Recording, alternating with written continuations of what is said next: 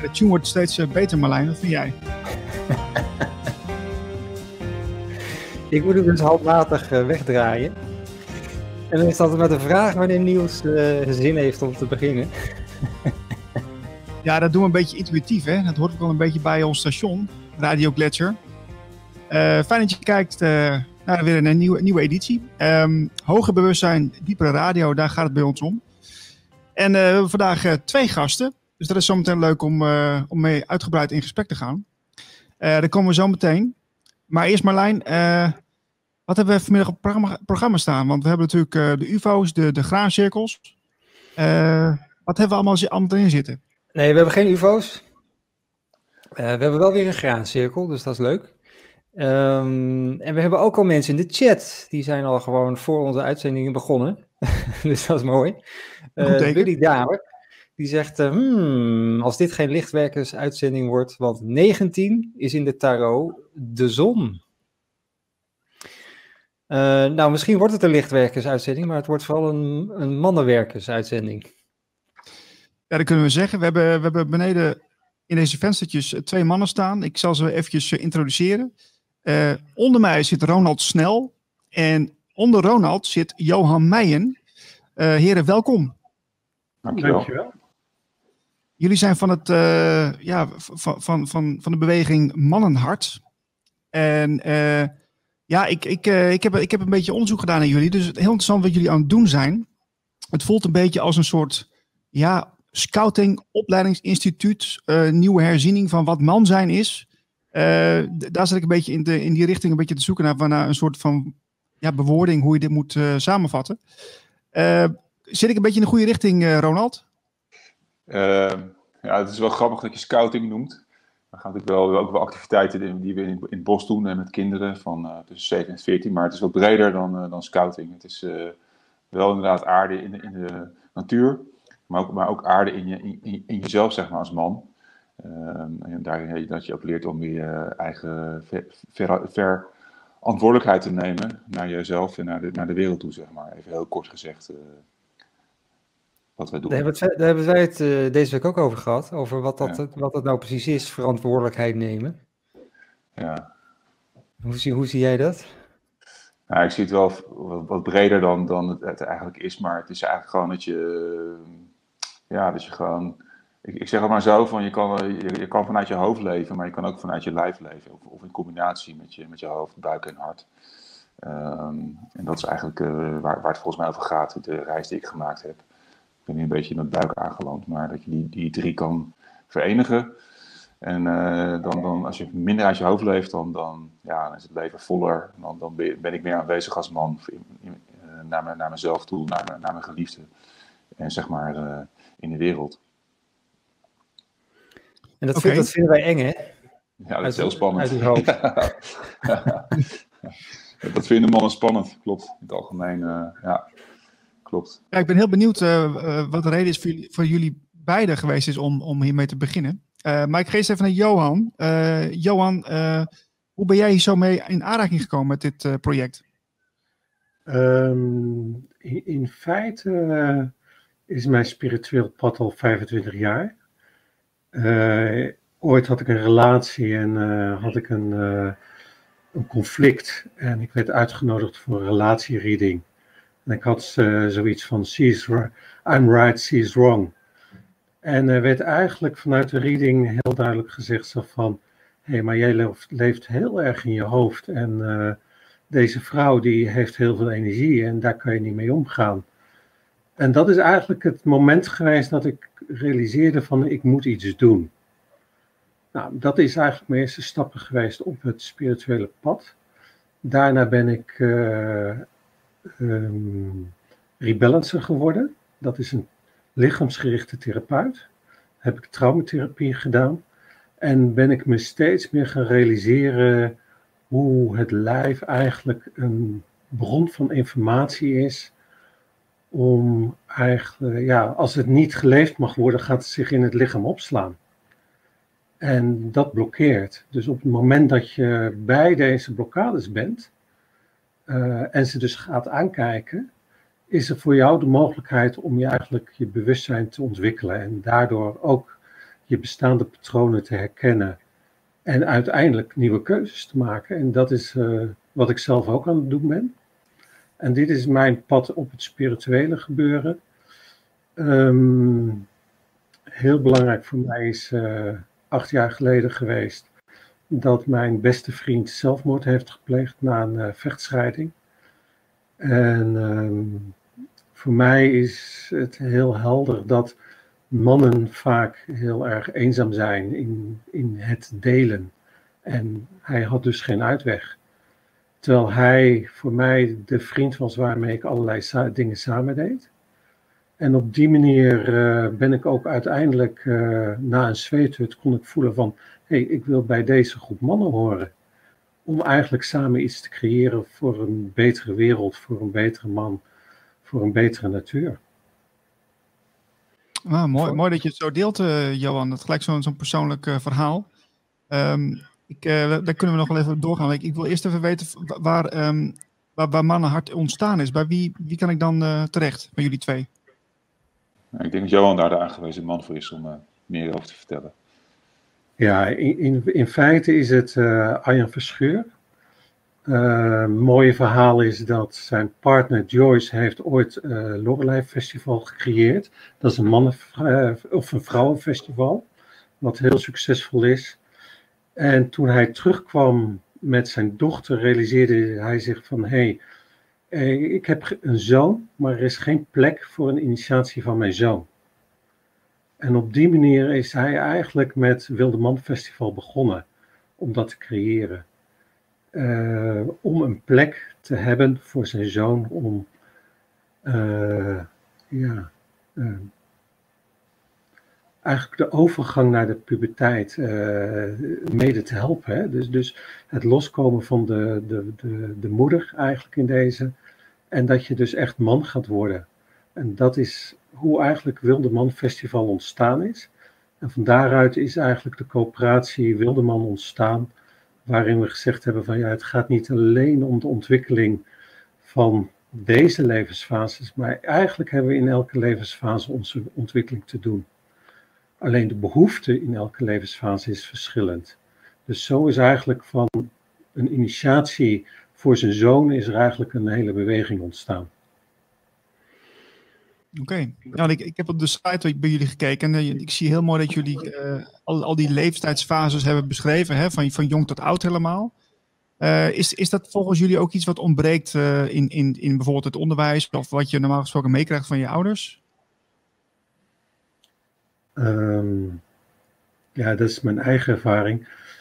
Um, kijk, vroeger uh, weet je, als zoon ging je het vak van je vader doen. Dus je had een voorbeeld als, als vader. Wat je ziet is, het hele schoolsysteem is heel veel vrouwelijke energie, zeg ik even. We hebben veel juffen. En het is ook veel hoofdwerk. Maar als man leren we eigenlijk nauwelijks uh, uh, met emoties om te gaan. Het begint al in feite als een meisje moet lief zijn en de man competitief. Dat zijn eigenlijk hele structuren die we van jongs af aan meekrijgen.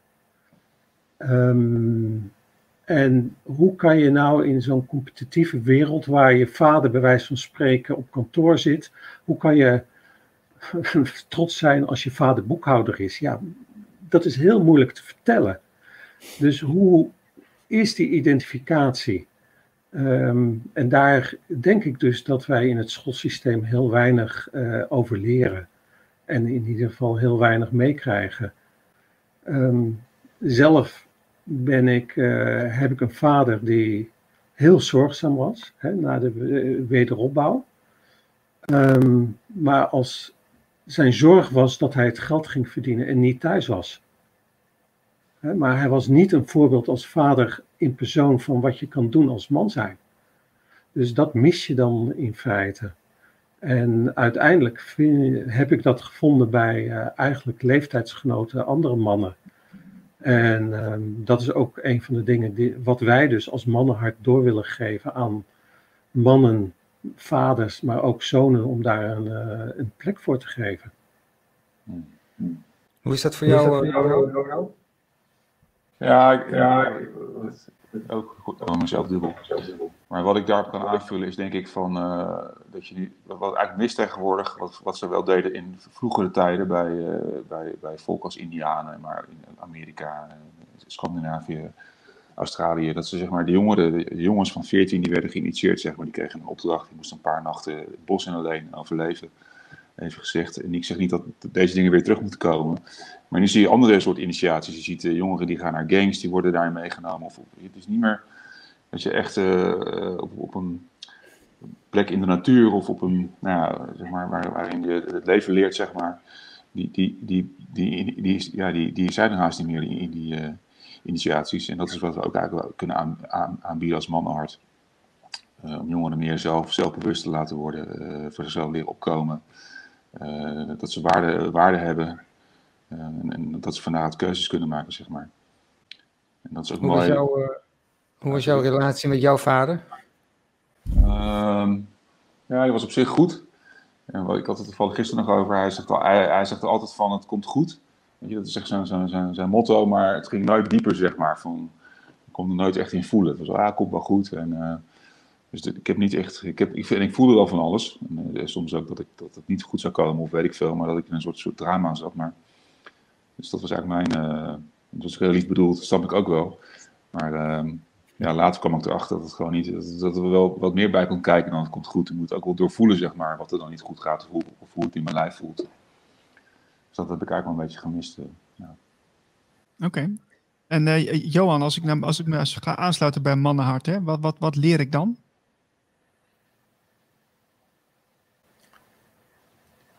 Ik zou haast een wedervraag willen zetten.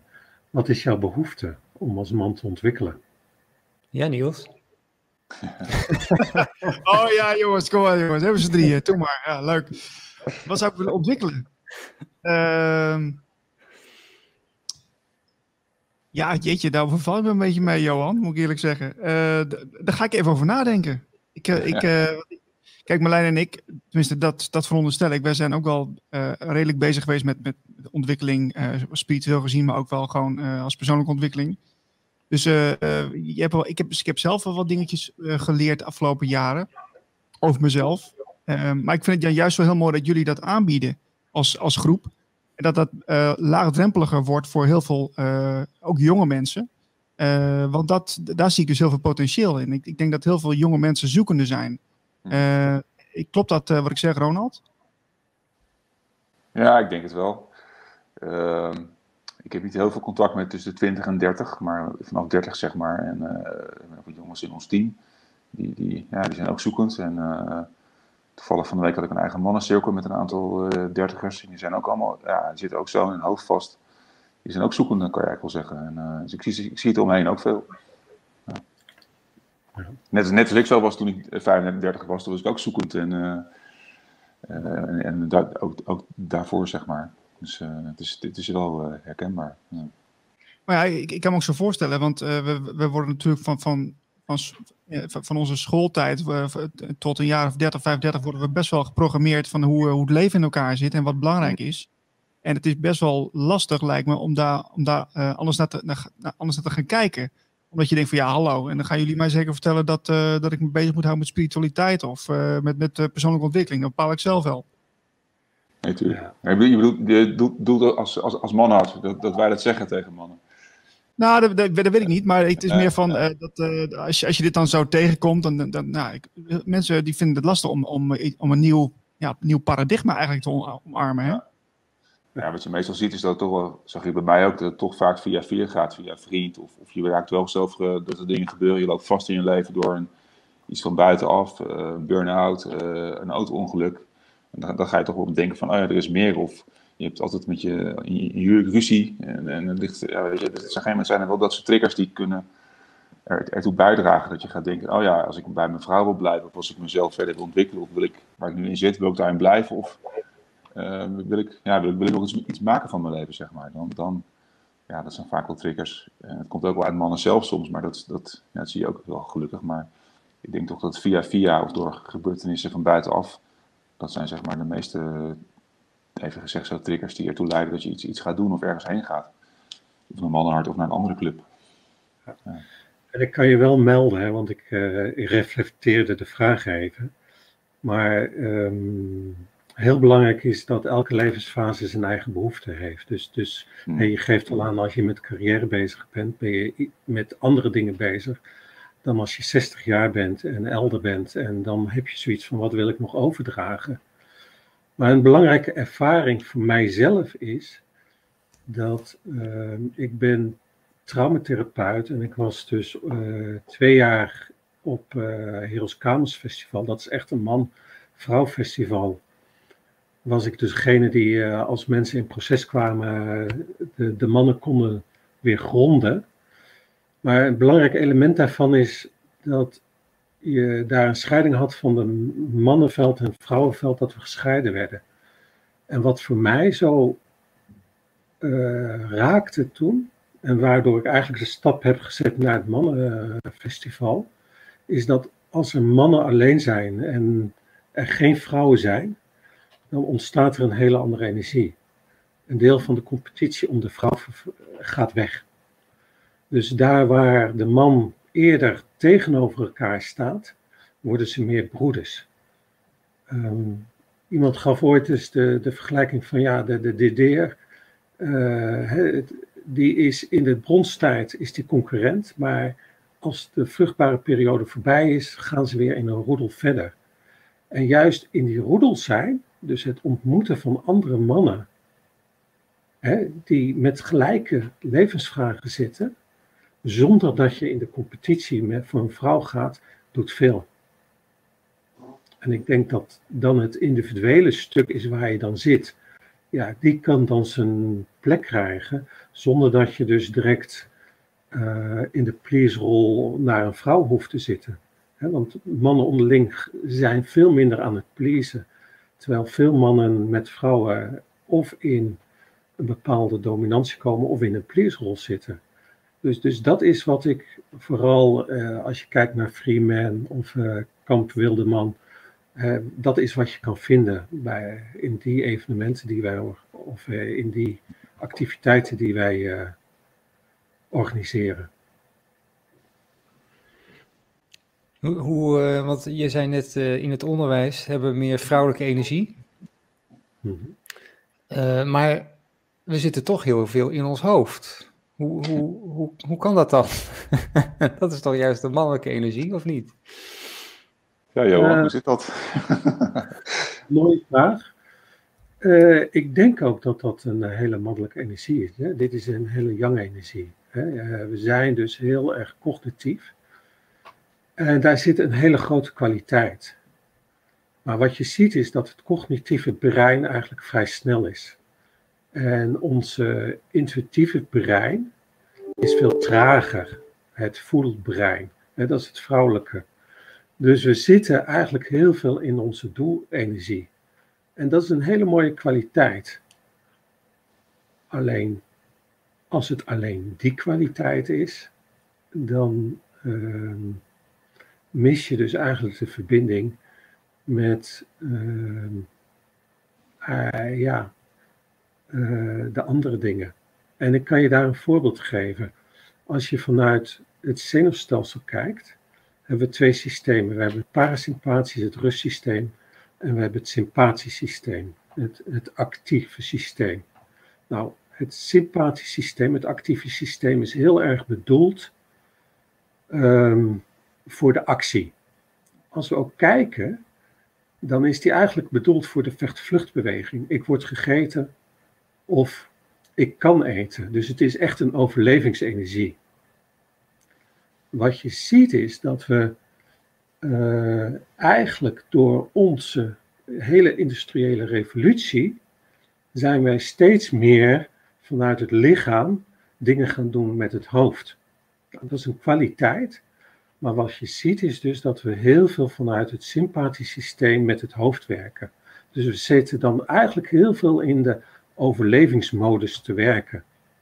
Dat betekent ook dat eh, dingen als eh, wat er in het uh, rustsysteem gebeurt, dat we onze uh, immuunsysteem stimuleren. Dat we ons herstel stimuleren, dus dat dat veel minder is.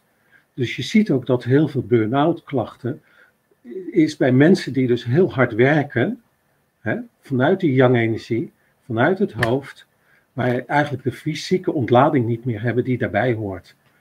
Dus het is niet slecht het hoofd, maar het is niet goed als het alleen maar is, in actie is en niet verbonden is met het rustsysteem en met het lijf. Dat is in mijn visie. En dat is wat we eigenlijk heel weinig leren. Maar waarom yoga en eh, meditatie wel heel belangrijk zijn geworden in, de, in deze wereld. Hè? Maar hoeveel yoga en meditatie leren we op de lagere school? Nou, ja, ik heb bijna. Gehad, maar dat is al heel lang geleden. Ja, maar Johan, als ik het goed begrijp, jij, uh, want jij uh, je geeft aan van de, de, de, dit is een soort rustsysteem en uh, daar, doen mannen doorgaans te weinig een beroep op, omdat ze dus veel in hun hoofd zitten. Is, is het dan ook zo dat het rustsysteem is, dat het meer vrouwelijk is? Um, elke man heeft yang-energie en yin-energie in zich. Mannelijke energie en vrouwelijke energie. Omgekeerd ook. Vrouwelijke een Thatcher was een hele manvrouw, zeg ik even. Ja? um, ik ben, en Ronald ook, zijn eigenlijk meer vrouwelijke mannelijke types. We zijn eigenlijk van oorsprong heel gevoelig. Maar daar heeft voor mij ook een deel van mijn complexiteit in gezeten. Van wat is het om in mijn mannelijke energie te zijn? Uh, het voorbeeld is heel duidelijk de chakra, de competitie. Maar dat is niet mijn systeem hè, dat is niet mijn ziel eigenlijk, zeg ik dan even. Um, dus daar zit het voor mij in, zo van ja, kan jij dus ondanks alle culturele, maatschappelijke en gezinnelijke bagage die je meegeeft, je oorspronkelijke ziel ontwikkelen? Ik denk dat hij daar veel meer zit dan. Uh, en dat betekent dus dat als jij, en dat is wat het lichaam wel doet, als het lichaam iets niet kan verwerken, dan slaat hij het op als stress, als spanningsplekken in het lijf. En als rebalance traumatherapeut uh, heb ik daar heel veel ervaring mee. Alleen we leren niet vanuit het systeem om naar die stress te gaan. Het moet allemaal goed zijn. Als we kijken van alles moet happy zijn, uh, Facebook mag jij dus uh, dingen vertellen van ja, dit doet mij pijn. En kan ik daarbij zijn? En kan ik dan de ontspanning voelen van het lijf? En dat, dat is heel weinig aanwezig in deze maatschappij op deze manier. Als je het over mannen weekenden hebt, dan denkt iedereen toch vaak aan uh, ja, aan een soort holbewonerachtige situatie.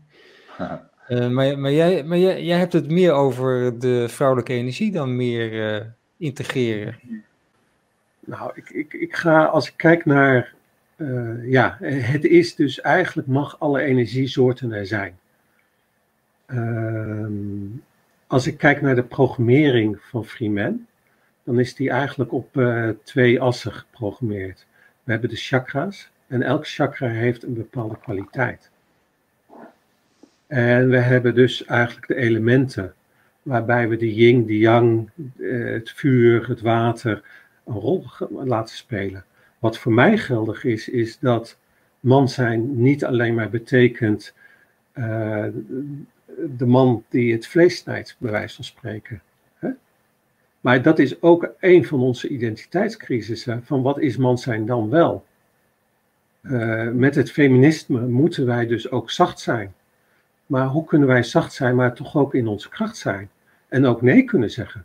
Zacht nee zeggen is een hele moeilijke. Maar helder zijn. En vaak eh, wat je ziet is dat als de mannelijke energie vervormd wordt, dan is het agressie als de mannelijke energie op een juiste manier expressie krijgt, dan is het het terugwinnen van de integriteit.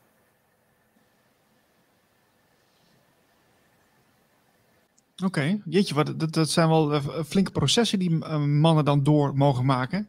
Uh, wat, wat je net ook zei, Johan, dat vond ik wel interessant. Hè? Want je zegt van eigenlijk van ik ben een vrouwelijke man. Dus man met die, die, die laten we zeggen, voor het grootste deel of gedeelte de, de vrouwelijke energie vertegenwoordigt. Zeg ik dat zo goed? Die veel zachtheid in mij heeft. Ja. ja. Denk je ook dat. Uh, ja, denk je ook dat, uh, dat je daarvoor gekozen hebt, jo jo Johan, om, om, om dat uh, uit te dragen in, in, jouw leven, zeg maar? Of, of denk je dat dat, dat dat meer toeval is en dat je. wat denk je daarvan? Um, ik denk dat een bepaalde aanleg gewoon aanwezig was.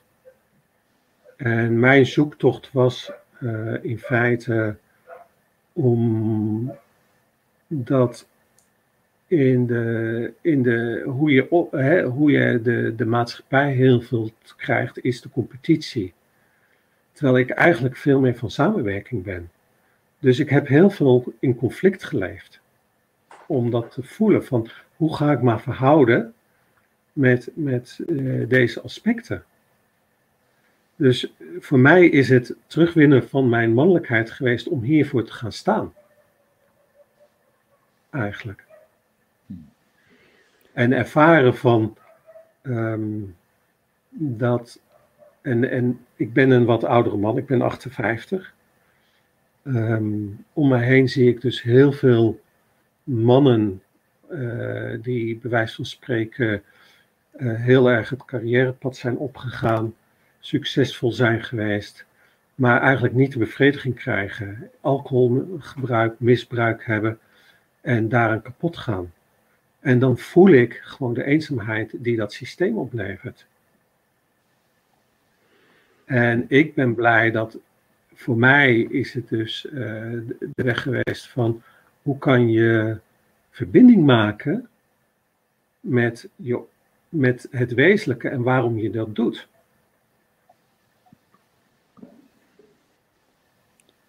Ja, want je, je, je hebt een enorme draaien gemaakt, want je komt uit de ICT. Ja? En je bent nu een soort, uh, nou ja, je bent therapeut natuurlijk, maar je zit helemaal in de, in de healing. Ja, maar waarom ik in de IT was begonnen, was heel simpel. Uh, ik zat heel erg in mijn mind. Nou, als er één, en ik was slecht in mijn handen, hè, coördinatie was wat minder. Nou, dan is programmeren een hele mooie vakgebied. Want je kan, uh, twee dingen is er. Als je hout bewerkt en het gaat mis, dan kan je het weggooien. Als je programmeert en software maakt, kan je het herstellen. Dus daar zat mijn veiligheid in. En het tweede stuk veiligheid zat hem in het feit dat als je programmeert en hij doet niet wat het moet doen, dan weet je dat je bij jezelf moet kijken en dat de instructies niet goed zijn geweest. Dus ik ben juist in de IT begonnen omdat dat als vakgebied zo veilig was. En uiteindelijk merk ik van ja, uh, ik ben heel veel uh, eigenlijk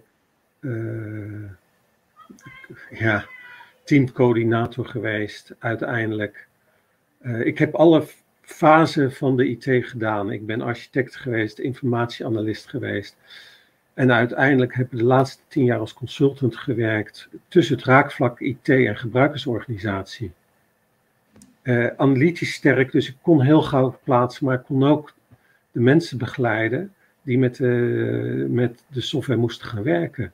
Dus feitelijk is het een natuurlijk proces geweest. Maar het was mijn behoefte heel duidelijk om het te ontwikkelen. Maar ik heb hele veilige stappen daarin gezet. Oké, want het verschil tussen Johan en Ronald uh, is volgens mij dat bij jou is het, wat je nu schetst, heel natuurlijk gegaan. En bij Ronald is er een soort van crisis geweest die hem heeft aangezet om, om um, ja, meer de, de vrouwelijke energie te ontwikkelen. Klopt dat? Ja, ik had wel een grote crisis op mijn 35ste. En die, die, die heb ik overigens, had ik overigens zelf veroorzaakt. En uh, ik, ja, dus toen, en daarna ben ik met, met zeg maar mannenwerken aangekomen. Via, via een vriend van mij hoorde Tom van de Kroon, heb ik een weekend gedaan daar in Orvo bij Tom van de Kroon. En vandaar het is zeg maar mijn pad begonnen. En ik herken ook wat Johan zegt, mijn vrouwelijke kwaliteiten, die, ik was ook een pleaser. En daar kan, kan, ik nog steeds in terugvallen in, in mijn relatie. Maar ik ben me er wel van, nu van bewust, zeg maar. Dus, ja, dus ik heb dat ik heb het ook, ik heb het ook aangeleerd meer durven nee te zeggen. En, eh, maar wat ik ook vooral heb aangeleerd is om mezelf kwetsbaar op, te stellen in, in mijn relatie en naar de buitenwereld toe. Uh, dat durfde ik eerst ook niet. Van. Ik had altijd zo'n beeld voor ogen van nou, ik moet zo zijn, ik moet zo kunnen praten als, uh, noem bijvoorbeeld even als Mark Rutte. Of ik moet dat haar hebben. Ik zocht het altijd buiten mezelf in mijn leven. En ik zocht ook eerst ook, ook, ook, de veiligheid op tot mijn 35ste van bepaalde banen. En, daar net weer niet, zeg maar, niet mezelf te veel, mezelf te veel te moeilijk moeten maken of mezelf te veel te laten zien. Of, uh, maar, net, zeg maar net die veiligheid aan te houden die, die, die ik aankondigde, die ik wilde. En ik wilde op een gegeven moment ook huisman worden en ik had geen ambitie. En uh, nou ja, uh, ik was gewoon een grote afwezige man, zeg maar, in, in, toen in mijn huwelijk toen. Wat ja, maar was het dat je dat, dat bent aangegaan? Ik, Zou je ons mee kunnen nemen naar die eerste dag dat je, dat je daar was, bij die groep mannen? In, uh, in Orval. Ja, ik was, ja? Ja, ik was, ik was doodnerveus. En er waren volgens mij bijna 30 man of zo waren daar. En ik, dus ik kom daar binnen en ik was in mijn eentje. En ja, dus iedereen, was wel, was, iedereen vond het heel spannend. Dus dat, was dan wel weer fijn. Maar ik had het ook niet zo in de gaten, dat, dat, dat, dat, zie ik achteraf dan, een dag later. Maar iedereen was heel gespannen toen hij binnenkwam. En was, stond ergens, ja, je gaat dan toch maar een praatje maken of eh, en, en, daarna begon het, ja, het is natuurlijk alweer elf jaar geleden, ik weet het niet meer precies. Maar, hoe, kwam je daar, hoe kwam je daar? Nou, ik had via een vriend van mij, uh, had ik over Ton van de Kroon gehoord, toen ben ik zijn boek gaan lezen. De, de God, hoe heet dat? De, de Koning.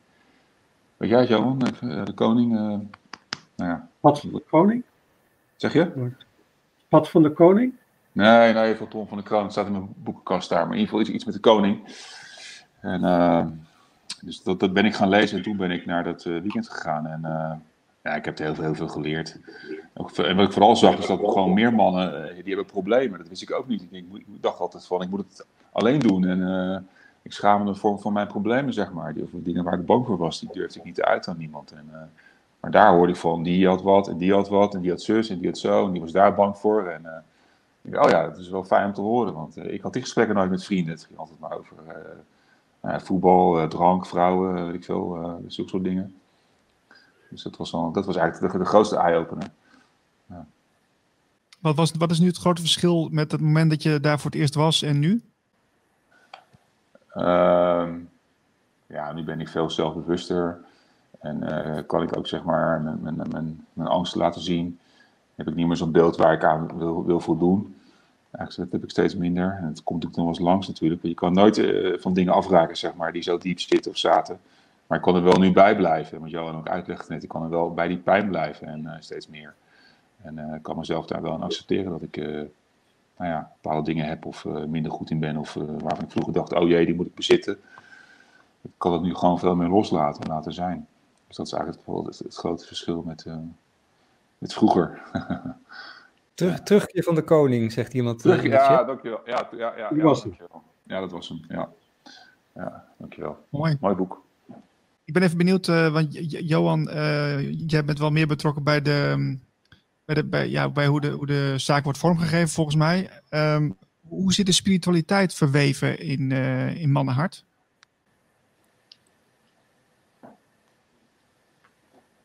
Ja, wat, wat, wat voor mij bij het mannenhart heel belangrijk is. Kijk, Ronald noemt Tom van de Kroon.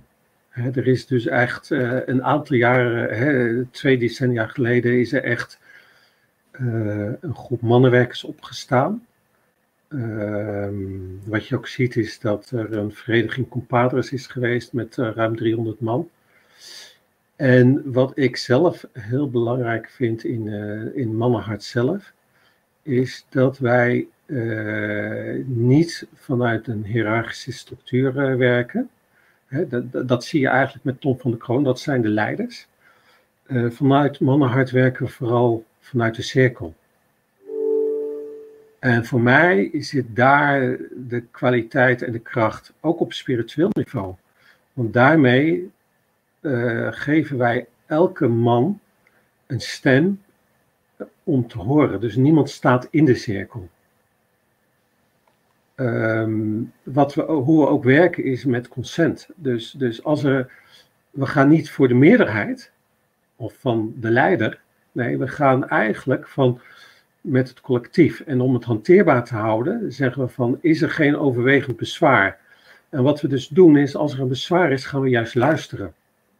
En wat je daarin ziet, is dat, uh, dat dan de kwaliteit ontstaat van een betere oplossing. Nou, als we evolutionair gaan zien, is hè, wij mensen zijn dus ook eigenlijk, hebben we het van de Nedertalers overleefd, omdat we konden samenwerken. De Nedertalers waren echt de, meer de oorspronkelijke hiërarchische, de strijders. Dus wat je hier heel duidelijk ziet is dat als je als mannen samen kan werken en ook het collectief kan gebruiken, ja, dan, dan, dan, dan, dan worden wij veel sterker, ook op spiritueel niveau. En daar de verbinding in voelen. Dus voor mij, ja? Ja, het is wel leuk om, als ik mag aanvullen, wat, wat het mij.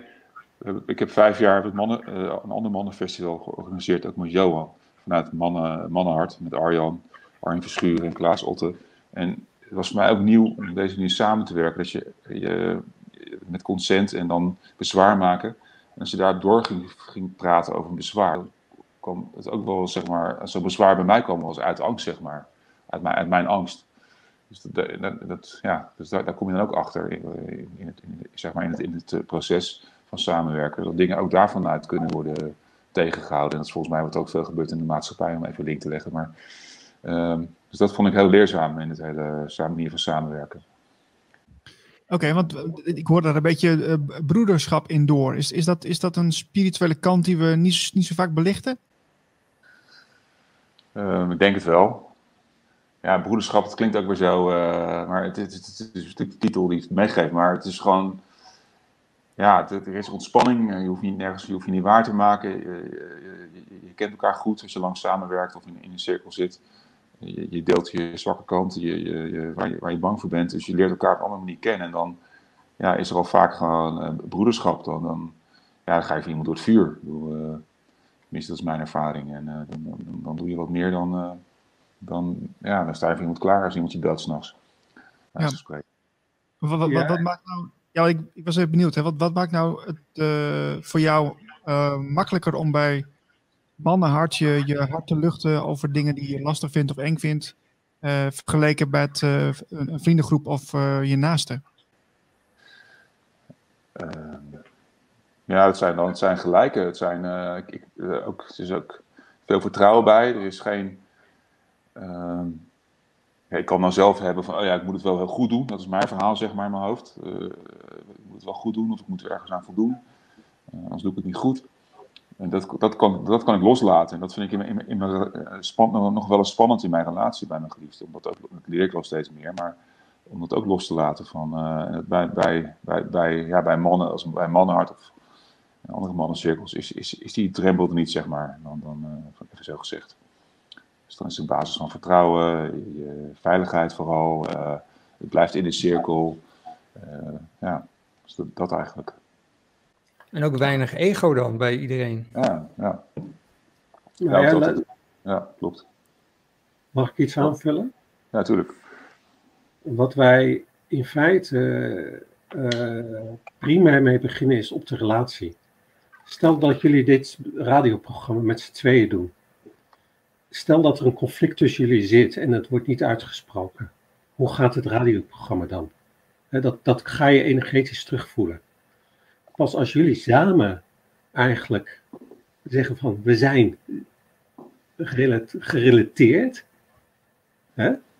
Uh, het, de relatie is schoon, dan kan je de prestatie gaan leveren van het radioprogramma. Dus we beginnen eigenlijk ook altijd op de relatie om die schoon te hebben. En als die relatie schoon is, dan, uh, dan is het werken eigenlijk uh, ontstaat dan veel spontaner en veel gemakkelijker. En die is dus voor mij essentieel, uh, ook op spiritueel niveau. Want ik heb heel veel in het bedrijfsleven gewerkt. En wat je ziet is dat er vanuit politieke motieven vaak keuzes worden gemaakt. En ik heb heel veel krampen gehad als ik met iemand niet kon samenwerken en het niet besproken kon worden. Daar heeft, eh, ik denk, in de afgelopen tien jaar heb ik dat drie keer gehad of zo. En daar, dat kost je dan heel veel energie en frustratie, niet het werk op zich. Het is vaak de frustratie op het relationele niveau die niet opgelost kan worden wanneer er een blokkade, waardoor, dit niet gaat stromen. Uh, dus ik denk dat dat een essentie van het werken, uh, hoe wij in de kringen werken, uh, is dat het vooral eerst de verbinding is en vanuit de verbinding gaan we creëren. En je vertelde het heel mooi, Johan, dat je de relatie dan schoonhoudt, zoals je dat zegt. ja, hoe doe je dat dan? Um, heel essentieel is, uh, dat, er zitten verschillende stappen in. Essentieel is dat je dus kan luisteren. Dus dat je het kan aanhoren. En een tweede belangrijk stuk is dat als er iets jou raakt, het zit niet in wat de ander doet, maar hoe het bij jou binnenkomt. Dus dat is de oefening, dat je wel je geraaktheid vertelt, maar de andere daar niet verantwoordelijk voor maakt. Het kan wel zijn dat er conclusies aan moeten komen. Van als de ander zegt van ja, ik ben niet beschikbaar in de uitvoering, hè, dan moet je concluderen, dan past het niet. Maar als iemand zegt van, nou heel simpel, um, Arjan, de, de, initiator eigenlijk van dit uh, hele proces, uh, komt tot de conclusie van uh, ik, er zijn nu drie activiteiten en eentje is te veel en ik moet een stap terug doen. Ja? In mannenhart. Nou, dan kan ik me heel erg ingeraakt voelen en in de steek gelaten voelen, wat ook een deel van mijn gevoel is. Maar als ik kan voelen van ja, dat in de steek gelaten zijn hoort bij mij. Maar het zegt niks over zijn keuze naar mij toe. Hij wijst mij niet af dan kan ik het gesprek aangaan van ik begrijp dat de bestuursfunctie voor jou te groot is, maar zou jij wel lid van de coöperatie willen blijven? Want jij bent zo'n mooie visionair. Kan jij helpen de visie die je neergezet hebt te borgen? Nou, dat gesprek is alleen maar mogelijk als ik, uit mijn, als ik mijn eigen pijn, eh, het in de steek gelaten kan voelen en hem niet verantwoordelijk voor mijn pijn maak. Hm. hm. Een voorbeeld is dat we, als ik hem nog mag, mag aanvullen weer, is dat altijd, als we dus bij elkaar kwamen, we zagen elkaar iedere maand, uh, zeker in de tijd van het Wildeman Festival, voor corona. uh, dus we hadden eerst ook gewoon een, gewoon een deelcirkel begonnen. Dus iedereen begon te vertellen van hoe, zit je erbij? Uh, wat, is, wat is er gebeurd? Waar, waar loop je tegenaan? Dus het, het duurde soms een uur, anderhalf uur. En daarna begonnen we pas over het festival te praten of over andere zaken die, die dan moesten worden besproken. Dus je bracht jezelf ook, ook helemaal in, in nou ja, wat er, ja, hoe, hoe, het met je ging, zeggen, met je gaat. En dat, ja, dat schept ook gewoon vertrouwen en, en veiligheid. En, uh, ja, dus, ja maar wat, wat is dat dan voor, volgens jullie dat mannen dat, of, ja, vaak, ik wil niet generaliseren, maar ik, ik, doe het dan toch maar even. dat mannen vaak um, frustraties of opgekropte emoties bij zich houden en niet willen toegeven dat er meer speelt en dan erg overgaan tot de orde van de dag. waarom doen mannen dat over het algemeen?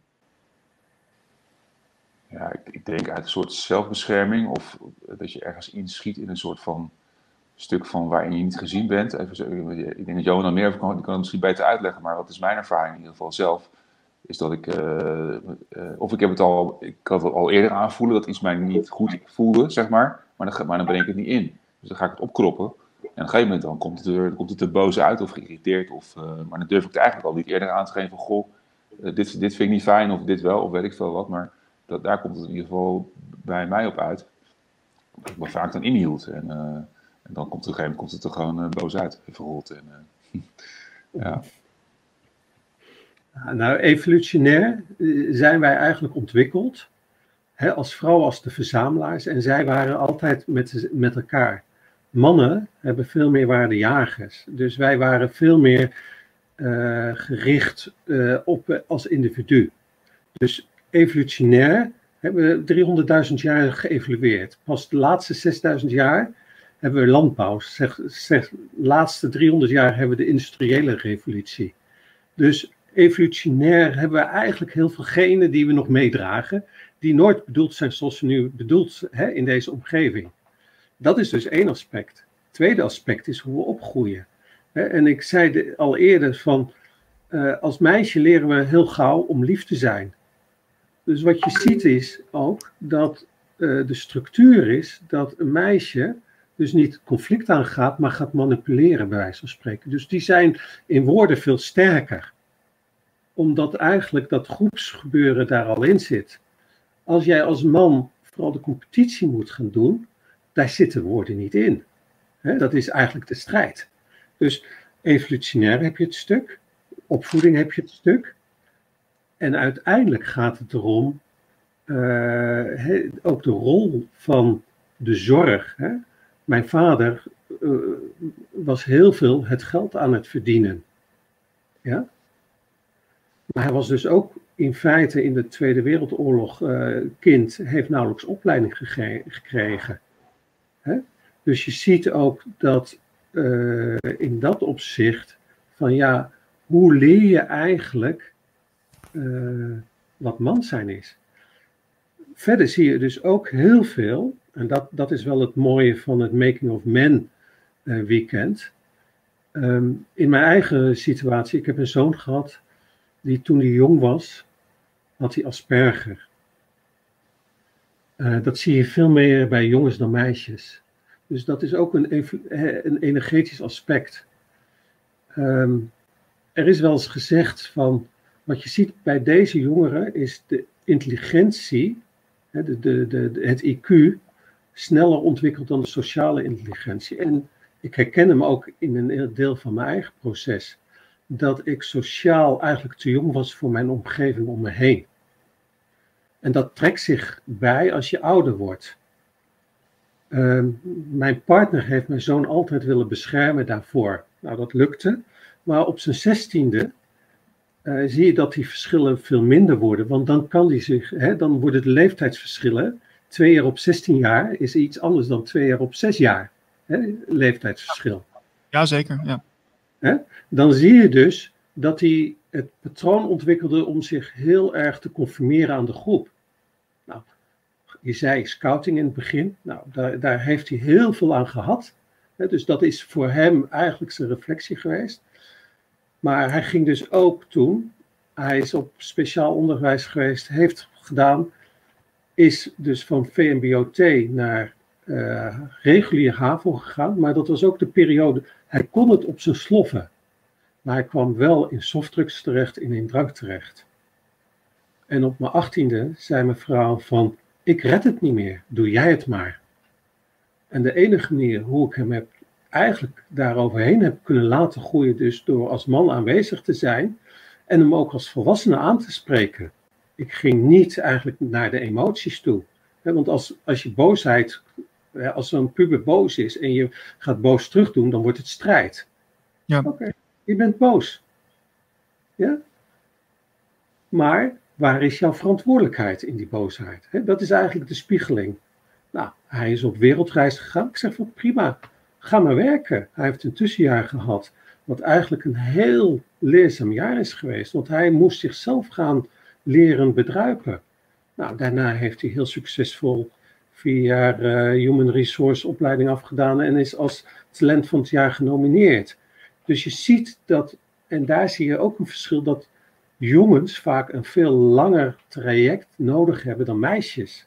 Meisjes, hè, en dat zien we ook in de schoolresultaten, hebben vaak, uh, zijn in die leeftijd veel, dis, veel meer gedisciplineerd uh, hè, en, en, en, en, kunnen zich conformeren. Ja, veel sneller hebben... volwassen ook. Hè? Hm? Veel sneller volwassen, die meisjes.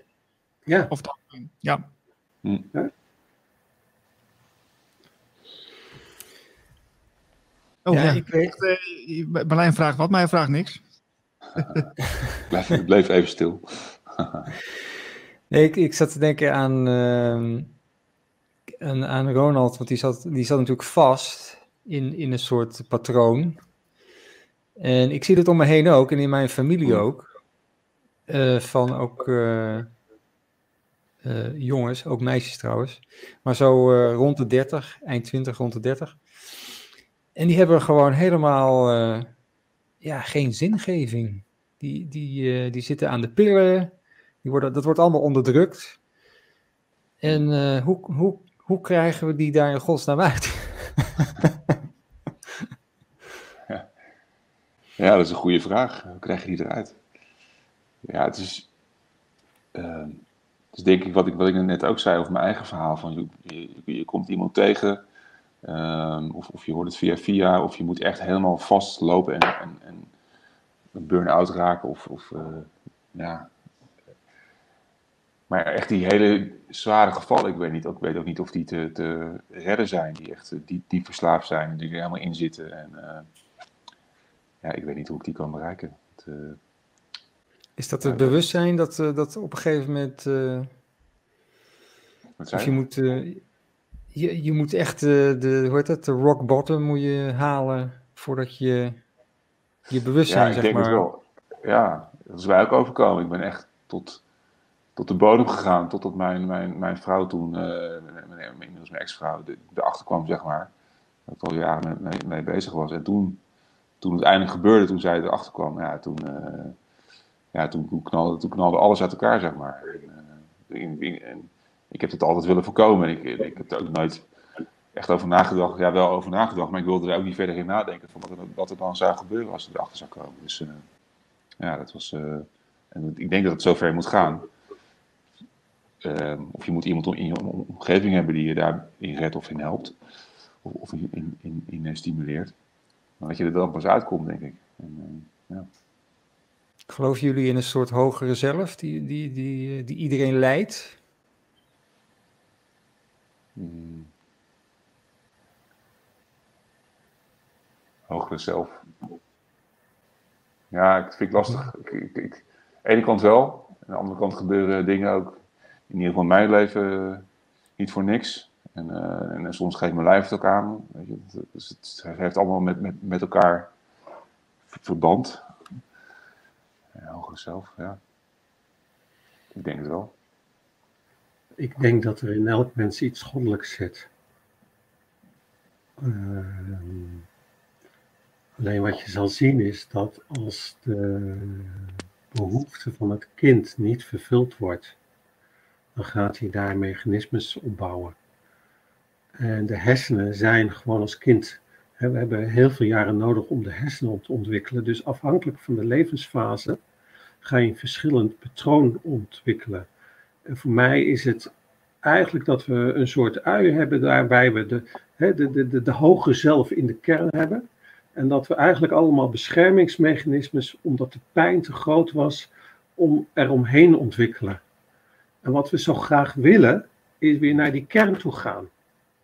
En we denken dus dat we dat kunnen doen door even naar die kern toe te gaan. Maar feitelijk is het weer die ui afpellen.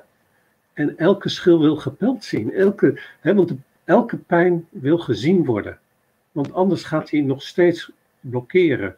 Dus ook in die zin is, is het naar je hoger zelf komen weer een continu proces. Durf je dus aan om de buitenste schil aan te kijken.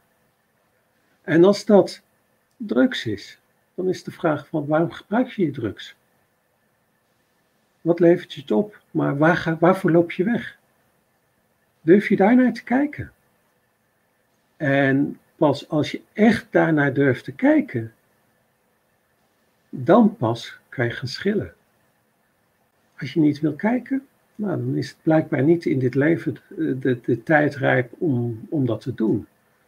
En dan zal je zelf, ja, of die ziel dan nog weer verder gaat, hè, we weten gewoon heel veel niet. Ik kan me voorstellen dat we dan reïncarneren of niet. Ik weet het niet. Ik, ik heb daar geen. Maar ik kan wel voelen dat we allemaal een ziel hebben. Oké, mooi gezegd. Uh, we zitten bijna aan het eerste uur. Eh, ik richt me even tot de kijkers, want eh, er zijn eh, waarschijnlijk ook een aantal kijkers en luisteraars, uh, Marlijn, die misschien wat vragen hebben, want er is ook een chat. nou ik, ik, nodig je uit om mee te doen. Stuur even je vraag in naar, naar, ja, naar onze chat. dat kan natuurlijk naar Ronald, dat kan naar Johan of naar mij of naar Lijn. Of anders een mailtje naar info.radioglacier.nl. Dan doe je lekker interactief mee. Um, Marlijn, is het misschien leuk om eventjes naar een van onze vaste items te gaan? Ja, dan moet ik hem even erbij pakken. Want uh, we, hebben, we hebben er weer één. We hebben er weer één. Oh jee. Uh, even kijken. Ja, dat is het voordeel. We kunnen, nu kunnen we het nog laten zien natuurlijk. Hè? Dat kan straks niet meer. Nee, precies. Daar komt hij. Oké. Okay.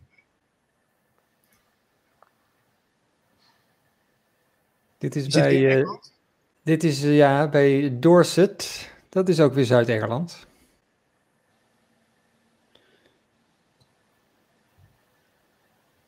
En dat is weer eentje met. Uh, oh, ik zal hem even iets terug doen.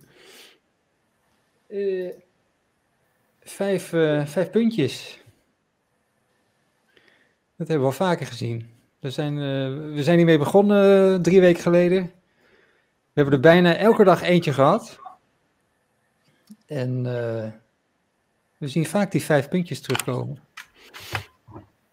Dus dat kan de vijfde dimensie zijn, dat kan de, de, de elementen kunnen dat zijn. Ik zal even.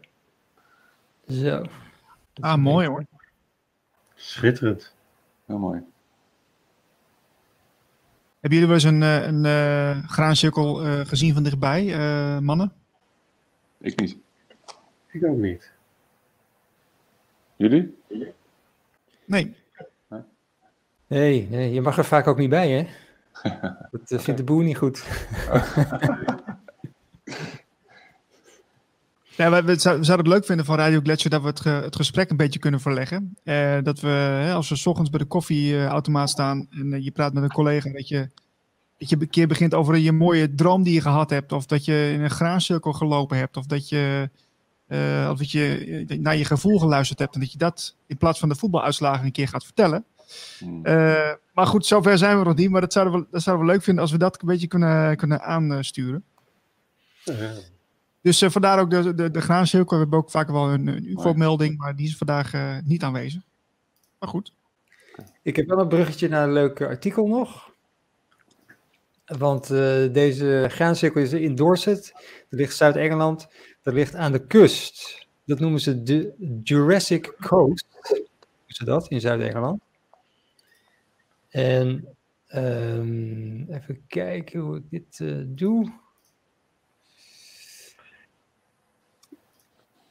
Even kijken, want er is een leuk artikel over uh, haaien.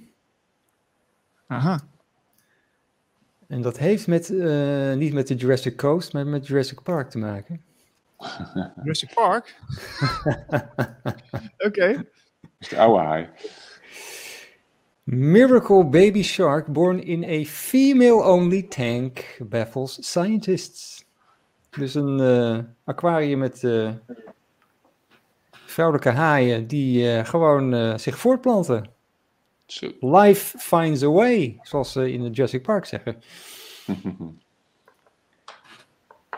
uh, even kijken hoor.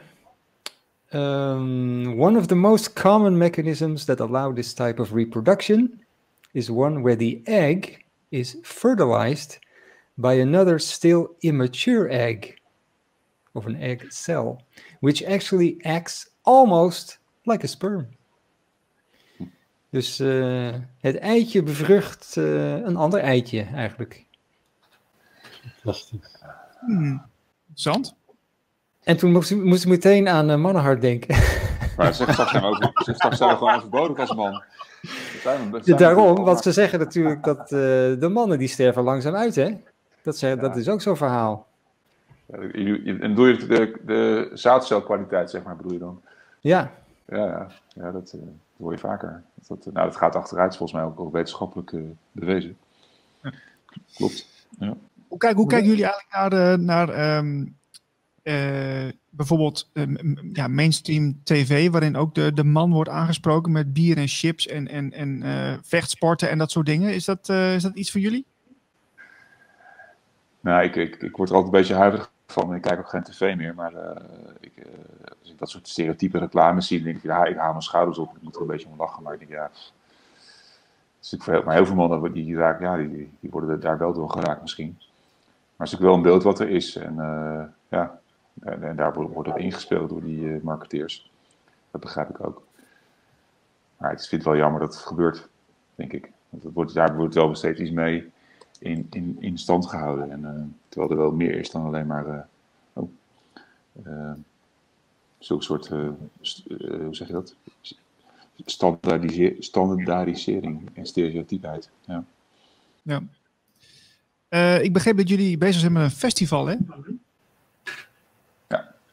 Nou, hij is een training geworden. Dankjewel, Jan. Want ehm, heel simpel, eh, meerdaagse festivals mogen niet. Maar we werken, eh, het verschil, kijk, eh, het gaat om bewustwording van de man. En hoe je die zijn potentieel kan ontwikkelen. Dus in de huidige coronamaatregelen mogen we gewoon een training aanbieden. Dus dat klopt, ja. En dat doen we dus. Ja, ik, ik ben heel benieuwd. Wat, wat, wat, nou, vertel eens wat over. Waar, eh, wat, wat, wat, willen jullie doen met die eh, training? Met de Freeman training willen wij, eh, ja, we willen mannen stimuleren, wat Johan al zei, om je eigen, ja, in ieder geval de, mannen te, te, gaan stimuleren in hun eigen ontwikkeling. En dat ze daar bewust van worden, hun eigen potentieel kunnen ontdekken en, en ontwikkelen. Dat is eigenlijk heel kort gezegd waar, waar Freeman over gaat, de mannentraining. En daar bieden we allerlei workshops voor aan. Er zijn, er zijn lezingen en ja, is dan drie dagen lang. Heel kort gezegd. Ja, en mijn ervaring is, ehm, je moet iets laagdrempeligs maken. En eh, wat je ziet is, dit is een laagdrempelige manier om hierin te stappen. Want er zijn parallele workshops. Dus je kan kiezen de workshop die er bij je past. Het is een soort tapasbar. En je wordt niet gedwongen in een stramien en eh, drie dagen in het geheel mee te gaan. En alles is ook op basis van vrijwilligheid. Eh, wil je even niks doen, is het prima. Maar er, eh, en de verscheidenheid van workshop is groot. Eh, staat er nog een keer een ijsbad op je bucketlist? Prima, kom dan. Staat er nog eens een keer een vuurloop op je bucketlist? Kom dan. En dat is ook een manier om mannen aan te trekken. En tegelijkertijd hebben we elke dag een sharingcirkel. Hoe is het om gewoon met zes tot acht mannen gewoon elke dag te delen wat je geleefd hebt? Ehm, dat is een voorbeeld van, hé, hey, ik kan gehoord worden, maar ik kan ook luisteren. Want als ik jouw verhaal hoor, dan resoneert er altijd iets in mij. En als ik dus leer te luisteren, kunnen wij dus ook leren communiceren met elkaar. Dus, dus het is eigenlijk op de speelse manier mannen verleiden van, hoe is dit voor jou? En als je het niet past, prima. Als het wel past, mooie ervaring. En dan is het eh, eventueel een, een volgende stap. En eh, ja, ik zou zeggen, eh, het voordeel is dat het trainingsprogramma echt een grote verscheidenheid is. Dus je kan, hij is dus, enerzijds kan het heel erg vanuit het vijfde chakra zijn expressie. We hebben de workshop clownerie. Hè? Eh, hoe is het om de clown te zijn? Ja? Eh, of luchtdirigeren. Hoe is het om de regie te pakken? Hè? Gewoon ga eens uit je comfortzone en doe eens een keer iets wat je anders niet zou doen. Hè? Dat, die, die mogelijkheid ligt er. En tegelijkertijd hebben we ook eh, andere workshops, zoals ik zei, van hele fysieke mindfulness boksen. Boksen gaat over niet tegenstander neerslaan, maar hoe is het om in die kracht met elkaar te zijn? Kan dat? En mijn e- Ja, en, en, en, en durf je dat? Dat is ook een goede bij, bij Durf je iemand te slaan of durf je jezelf te verdedigen? Dat is ook wel belangrijk in, eh, bij het boksen. Ik heb trouwens een antwoord op je vraag. eh, want in het begin van de uitzending hadden we het over van wat ik nou zou willen leren. En eh, nu schiet het er, schiet iets te binnen. Eh, dat is namelijk ehm, eh, in een groep, zeg maar, regie pakken. Dus eh, ja, een soort leidende rol, eh, ergens iets in. Eh, en ook vooral het spreken, dat vind ik nog wel, eh, dat vind ik nog wel eens lastig. En ook om dat steeds aan te houden, dus dat, dat, dat, ligt voor mij nog eens wel een uitdaging. Nou, dan zou ik je bij wijze van spreken de, de, de workshop van Maarten Moens eh, adviseren met stemexpressie. Ja? Ga die eens uitproberen, zou ik zeggen. Stembevrijding. Ja. Stembevrijding. En wat, eh, wat, wat eh, wordt er concreet in gedaan? Ehm, Je gaat zingen. je, je hoeft niet te kunnen zingen. Ik heb het zelf ook wel eens gedaan. Het is gewoon heerlijk. Het is een manier van eh, echt ontladen. Van, het gaat om je keelchakra. Dus je, nou ja, je, vijf- wat Johan al zei, je vijfde chakra. Om dat zeg maar te openen. Dat je je durft te uiten. eh, tonen. Je gaat ja, gek doen. eh, zingen. Je gaat een lied zingen met elkaar. Kan. Dus echt op die manier. Op een speelse manier. Eh, en Maarten, is, en Maarten is daar heel er- ervaren in. En een leuke man. Dus die wordt ook veel gelachen. Dus het is heel, ja, gewoon op een spelende manier leer je, leer je jezelf uiten door. eh, en je hoeft, hoeft niet te kunnen zingen, dat is het mooiste. Je kan gewoon eh geluid geven aan wat er is in je, wat er mag zijn. Oké, nou ik heb hem opgeschreven. Dankjewel. Goed, goed zo. Ik wil Ja, even iets... vooral- eh, Oh, oh, sorry. Even. Nee, ga door, ga door, want ik wil even naar iets anders. Nou, het is vooral de, de, de lage drempel die, die in het festival is. En om mannen echt uit te nodigen om in te stappen. En, eh, weet je, je hoeft niet eh, een, het licht al te hebben gezien of weet ik veel waar je, waar je bent in je ontwikkeling. Of, eh, het is gewoon eh, het is voor iedereen toegankelijk. En eh, ja, ik hoop dat, eh, dat er vele mannen komen. Ja, Oké. en, en, en, en, en, eh, en realiseer je, hè, dit is een omgeving waar geen vrouwen bij is. Dus eh, ik, ik, ik heb veel trainingen gedaan. Eh, veel trainingen ook waar veel vrouwen zijn, weinig mannen zijn. Ik heb, maar op het moment dat je eh, hier bent als man, hoef je niks te bewijzen. En dat is eigenlijk een heel belangrijk element. Je bent er echt voor jezelf. Niet om iets naar buiten toe te presteren.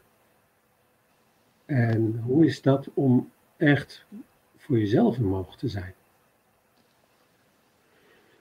Is het, is het ook zo, Johan, als je, als je eh, trainingen geeft alleen aan mannen, eh, of je geeft trainingen aan mannen en vrouwen samen, dat dat een hele andere eh, happening is? Ja, is een hele andere dynamiek. Hm. Ik, ik ervaar gewoon een training met man-vrouw even weer, hè, als het 50-50 is. Heel, heel, eh, daar is gewoon een dynamiek. Op het moment, ik heb ook eh, geassisteerd in de trauma healing opleiding, waarbij eigenlijk het overde- merendeel vrouw is. Nou, voor mij eh, voelde ik daar me ook niet thuis, bijvoorbeeld. Omdat de dynamiek van vrouwen alleen ook heel, een hele andere is. Die, die, die, die, die zijn eigenlijk nog veel aan het pleasen en veel aan het woord. Terwijl eigenlijk als de man is, die heeft veel minder woorden nodig. Die is aanwezig. Die luistert. Laat iemand uitpraten. Dus er is een groot verschil. Maar ik kan ook voorstellen dat het voor een hoop mannen heel erg eng is om in zo'n stu- stuk te stappen. Dus ik nodig ook die mannen uit om die reis te doen. Ik weet nog zelf, de eerste keer dat ik eh, de healingopleiding deed, had ik allerlei groepen. En de eerste keer mannengroep, ik had een grote weerstand. Maar ik ervaarde eigenlijk de rust van de groep. En die is eigenlijk alleen maar bevestigd toen ik verder mannengroepen ging doen. De rust die je ontvangt met mannen. Waar, waar zat bij jou dan de weerstand, dat je dat eh, zo lastig vond? Eh, ik, ehm, feitelijk was ik heel verlegen in mijn puberteit. Dus ik wilde eigenlijk heel graag een, een vrouw hebben, maar durfde niet. Had een vriend die daar heel zelfverzekerd is. Dus eh, ik, ik keek heel erg naar hem op. Dus ik was veel meer met vrouwen bezig en aardig gevonden te worden om te connecten. En eigenlijk onbewust zou je iets voor me kunnen zijn. Dat, dat zit zo dan in het systeem van de puber. En ik ben er al lang over gegroeid, maar ik kan nog steeds een deel van dat patroon in mezelf voelen. En mannen waren in dat opzicht zo van, ja, eigenlijk uh, ik denk onveilig voor een deel in eerste instantie, omdat ik daar niet op gericht was. En de verrassing was dus dat het eigenlijk heel veilig was. Dus ik liet me eigenlijk heel erg verrassen in die eerste keer dat ik dat deed. Maar dat betekent dat je uit je comfortzone moet komen. En die stap uh, durft te zetten. Dat is wel mooi dat je het zegt, want uh, we hadden gisteren een, een gast en die, die had het dan ook over verschillende werkelijkheden die je kunt ontdekken als je nieuwe informatie opdoet. Hè? en, en, erachter komt dat heel veel dingen anders in elkaar zitten in deze bijzondere wereld. Um, dat je dan ook uit je, uit je comfortzone moet stappen. En dat is, dit geldt dan ook in, in, in groepen waar jij het over hebt, daar geldt het ook voor. Ja, ik, vanuit trauma healing uh, weet ik hoe je.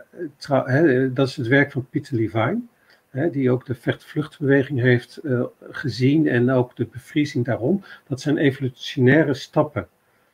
En wat we leren is dat het trauma zit niet in de gebeurtenis. Het zit in jezelf hoe je het ervaren is.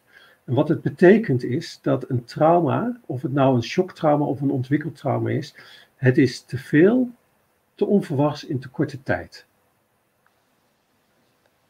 Om het traumagevoel, wat we allemaal hebben bij een herhaling, en dat hoeft niet hetzelfde te zijn, hè, het is gewoon de soldaat die in oorlogsgebied onder de tafel kruipt als een knal hoort, dat is het systeem geworden. Nou, de enige manier om daar succesvol mee eigenlijk om te gaan, is dat je gaat ervaren van, hey, dit is het traumagevoel, waardoor je eigenlijk weer nieuwe verbindingen in je hersenen kan leggen. Maar dat betekent dus dat je iets uit je comfortzone moet blijven gaan, hè? maar er niet overheen. Want zodra je er overheen gaat, ga je hertraumatiseren. En dat is dus heel belangrijk, dat je dus het traumagevoel ervaart, maar tegelijkertijd weet dat er een resource is. Dus dat is een soort lemniscaat die daar, hè, die, waarmee je dan werkt. Dus dat is ook wat wij eigenlijk met Freeman aanbieden. We bieden een hele veilige aan, uh, omgeving aan, hè, waarbij we heel veel ervaren workshopgevers hebben en een team hebben zoals de elders, waarbij je ook je verhaal kan doen. En ook sessiegevers, waarbij je dus de gevoelens die, je, hè, die eventueel in hier aangeraakt kunnen worden, kunnen integreren. En dat is dus, klopt precies, je zal dus een deel uit je comfortzone moeten gaan. Niet te veel, want dan kom je weer in de bevriezing en dat wil je niet. Maar als je het doet, dan verruim je je mogelijkheden. En ik zeg dan eigenlijk ook zo, hè, ik had het over het, uh, het uh, douchesysteem en het rustsysteem.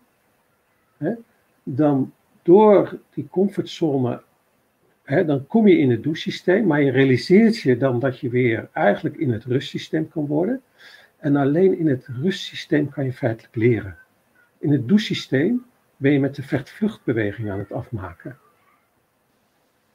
En dat is primair overleven. Dat is impulsief, dus dan zit je in je patronen.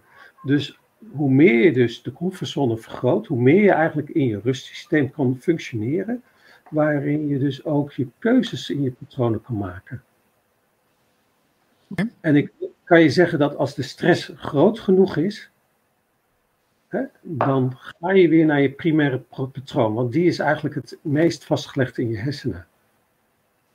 Maar hoe meer je oefent in het vergroten van je, je draagkracht, hè, door uit je comfortzone te gaan, door daarmee te spelen, hoe meer je eigenlijk je rustsysteem kan aanspreken. Ja, en daar, daar zijn wel workshops bij Freeman waar we mannen ook uitdagen, bijvoorbeeld met de vuurloop. Dat is best wel uit je comfortzone eh, komen, om eroverheen te lopen.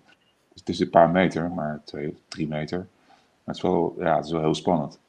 daarvoor, ik weet niet precies, ik heb niet, ga, dat weet Johan beter dan ik, maar gaan ze ook pijlen breken, Johan? Houten pijlen? Ik ga vanuit dat we pijlen gaan breken. Ja, je, gaat dus ook, je puntje bij je keel ga je tegen een, een, stuk hout of een muur, ga je een pijl breken. Ja, dat is ook heel erg als je comfortzone, maar je wordt natuurlijk wel in begeleid en uitgedaagd of uitgenodigd, ga ik het zo zeggen. Om, het moet wel, het moet wel enigszins veilig blijven, maar je gaat dus wel echt wel ja, behoorlijk uit je comfortzone. En er zijn natuurlijk nog meer workshops, maar dat is vrij concreet. Ik heb het ook zelf gedaan. Ja, het is gewoon redelijk spannend als je met zo'n pijl uh, staat. En later heb ik met zo'n betonnen vlechten dingen hebben we ook met twee man naar elkaar toe gebogen. Vanuit je keelpunt. Ja, dat is echt heel erg uit je comfortzone en heel spannend. En uh, ja, dat ga ik sta wel te trillen op mijn benen, zeg maar. ja, dus, maar dat, dat kan ook wel misgaan dus. Ja, dat, nou ja, dat gaat bijna niet mis, maar het wordt wel goed begeleid. En er zitten natuurlijk puntjes, uh, er zit ook een kapje overheen, dus het kan niet in je huid gaan. Maar uh, ja, die wordt er goed in begeleid, dus het is wel, het is wel veilig. Maar het is wel heel spannend. ja.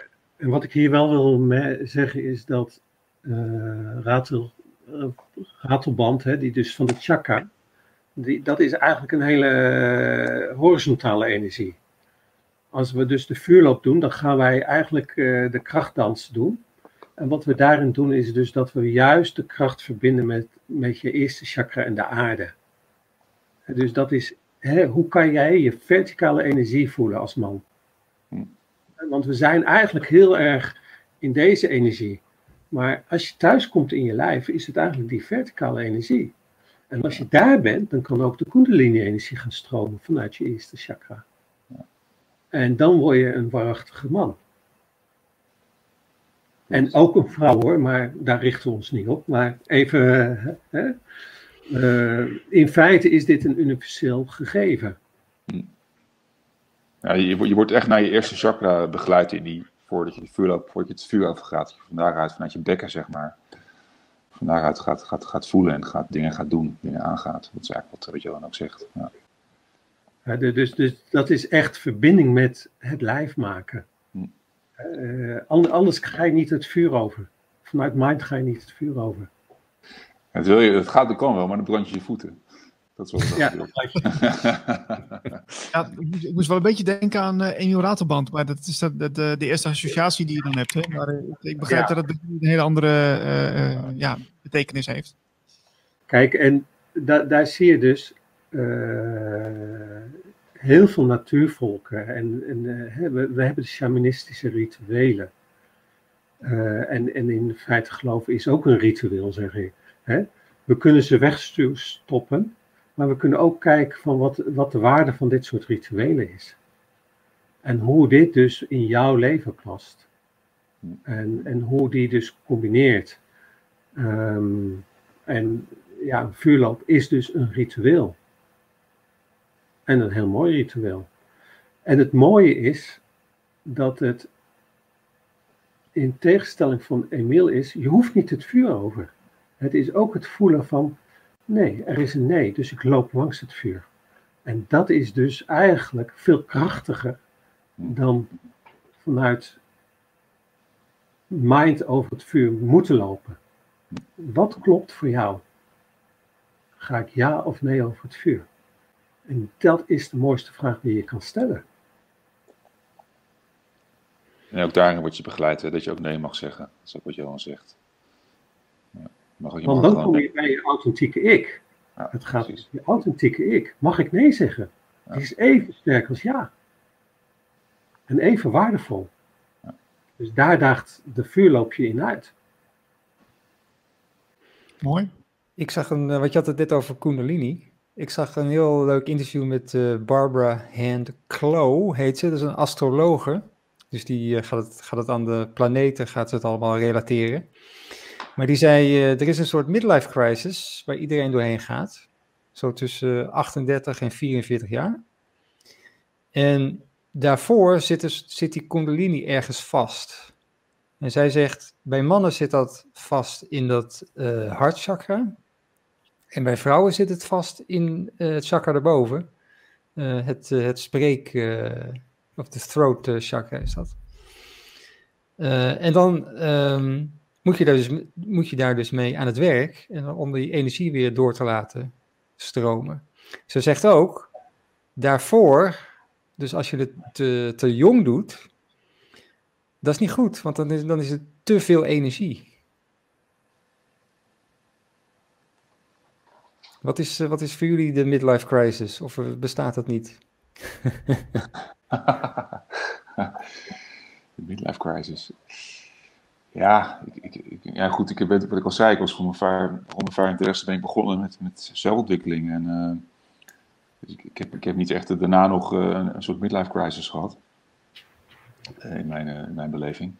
Ehm, ik heb wel gewerkt aan, om, om mijn keelchakra, om, om, inderdaad in de afgelopen jaren om, om makkelijker te kunnen uiten en om er niet meer, om minder in te houden. daar heb ik wel aan gewerkt. En, en, en, ook mijn chakra kan ik meer mee voelen. Dus, uh, dat komt denk ik ook omdat dat ik best wel gevoelig was vroeger al. Uh, ja, dat, dat, is toen ook wel meer open gegaan. Ik ook echt wat dingen voelen met mijn hart. En ook wel bijblijven en uh, laten binnenkomen. Dus dat is, wat, dat is mijn ervaring. Oké, okay, en, en Johan? Ja, ik, uh, uh, ik kom uit een systeem waar mijn vader heel erg zorgzaam was. Uh, mijn moeder is uh, na twaalf jaar borstkanker overleden. Hij heeft haar heel erg verzorgd. En daarna had ze een vriendin die ook weer aan kanker is overleden. Dus, en dat is een jaar of vier geleden geweest. En ehm, ik, uh, daarin spiegelde hij me ook van hoe belangrijk eigenlijk, nee, hoe zorgzaam ik was, maar ook dat ik mezelf dus eigenlijk uh, op een stuk niet vond. Um, en ik had verteld over mijn zoon, ja, die, die ging dus op zijn eigen benen staan. En toen was het tijd voor mij om te voelen van, ja, waar sta ik dat? En dat was een stuk in de intimiteit onderzoeken. Uh, ergens stroomde die niet meer zuiver en vrij. En uiteindelijk merkte ik dat het uh, het keelchakra was waar ik me moest ontwikkelen. En uh, ja, ik, in, daar ben ik nog steeds mee bezig. En uh, dat is een heel mooi proces. Ik zei dat mijn vriend in het begin in een vechtscheiding zat. En ik ben in een heel mooi, mooi proces met mijn partner, die niet makkelijk is maar waar ik het wel aan ga. En die, waar we voor beide het moeilijk is, maar uiteindelijk um, leef ik nu voor een deel bij haar en voor een deel op een eigen plek. En we zijn nog steeds zoekende en uh, in afstemming zijn van ja, wat betekent dat? En ja, ik denk dus dat een deel van mijn midlife crisis uh, was nadat mijn zoon eigenlijk zelfstandig functioneerde als een volwassene, dat ik niet meer de zorg nodig had om hem de veiligheid van opgroeien te geven. Wat, wat is er daarna gebeurd? Want, je, je want dan is dan zo'n proces is, zeg maar, uh, ten einde gelopen. Je zoon is volwassen. En wat, wat gebeurde er toen met jou? Um, eigenlijk was ik als deelnemer op het Wildeman, uh, eerste Wildeman. En ik was bij het vuur. En ik voelde dat ik me ergens geestelijk gecastreerd voelde in de energie. En ik eh, had een partner en heb nog steeds dus een partner die heel goed weet wat ze wil. Uh, en als pleaser heb ik heel veel haar geholpen. Dus ik was eigenlijk in de vaderrol, hè, maar niet in de partnerrol. En daar heb ik het proces ben ik mee aangegaan. En nu ontmoeten we elkaar als partners. En dat was heel eng, want het betekende dus dat ik al mijn veiligheid moest opgeven. De veiligheid van het wonen. Ik was gestopt met de IT-consultant, dus wat het uh, goede uh, het uurtje factuurtje geld was. Um, dus ik, ik, ik durfde dus eigenlijk te gaan voor uh, al mijn zekerheden loslaten. En ik ben er zo rijk uitgekomen met dit werk wat ik doe. Uh, ik heb nog steeds deze plek. En feitelijk, ik, ik zei acht jaar geleden wel eens, ik zou wel eens een latrelatie willen hebben. En die is nu ontstaan. Dus welke, ik... Johan, welke zekerheid was het moeilijkste om los te laten? Um, eigenlijk denk ik uh, een van de eerste zekerheden om het geld los te laten. En ik merk nog steeds, hè, mijn vader, als ik daar kom, eh, dan zegt hij van, uh, wat levert het op, Freeman? Nou, dan kan je zeggen, het levert niks op, qua geld. levert me heel veel energetisch welbevinden op. En heel veel vriendschap op. En, maar het geldstuk loslaten was dus een hele belangrijke. Dat daar. En het is niet zozeer dat heel veel mannen wilden veel geld. Maar de angst dat er onvoldoende was. Nou, als je dan naar familieopstellingen kijkt, dan kan ik hem zo voelen dat mijn vader hem meegekregen heeft van mijn grootvader. Die had in de, net na de Eerste Wereldoorlog een schip gekocht. En toen kwam de crisis. En er zat een grote hypotheek op. Dus ik kan zo voelen dat ik dat meegekregen heb. En dat ik dat pas een jaar of zeven geleden los heb kunnen laten. Maar daarvoor was het wel als zelfstandig IT'er kunnen staan van ik ben het waard. Dat was het andere mooie stuk. Dus, dus... Nou, dat je dat, uh, dat hebt durven besluiten? Want ik, ik, ik, persoonlijk herken ik jouw uh, verhaal heel goed. Want ik, ik ben ook in maart ben ik gestopt met mijn loondienst. En toen ben ik uh, nu als ZZP'er verder gegaan. in, in, ook in, in een business waarvan ik eigenlijk niet zo goed wist van... ga ik hier wel heel veel geld mee verdienen of niet? Waarschijnlijk niet. Maar omdat ik gewoon naar mezelf durfde te luisteren. En ik dacht van, ik, ik wil dit gewoon graag. Ik, ik, ik doe wat ik leuk vind. Uh, ben ik het gewoon maar gaan doen. En ik, ik ben nu een paar maanden verder en ik, je ziet dat de dingen naar je toe komen. Ja. Mooi. Ja, ik was uh, vorige week op een retreat. En het raakte me zo. Er was een, uh, een jonge vrouw. Die had viols gestudeerd. En die gaat nu festivals af. En die vertelt het verhaal. En die volgt haar hart. En wat ik zie is dat man, mannen en vrouwen die hun hart en vooral jonge mannen en vrouwen, ja, die zijn zo puur. Ja, die gun ik zo dat ze een bestemming vinden daarin. Dat raakt me als je dit zo zegt. Maar dat is ook een van de lastige dingen van deze maatschappij. Dat er zo. Uh, ja, eigenlijk kapitaal is het energie geworden. Uh, en, en ja, dat is de zoektocht. Maar wat is je geluk? Waar word je gelukkig van? Waar moeten we heen als uh, samenleving?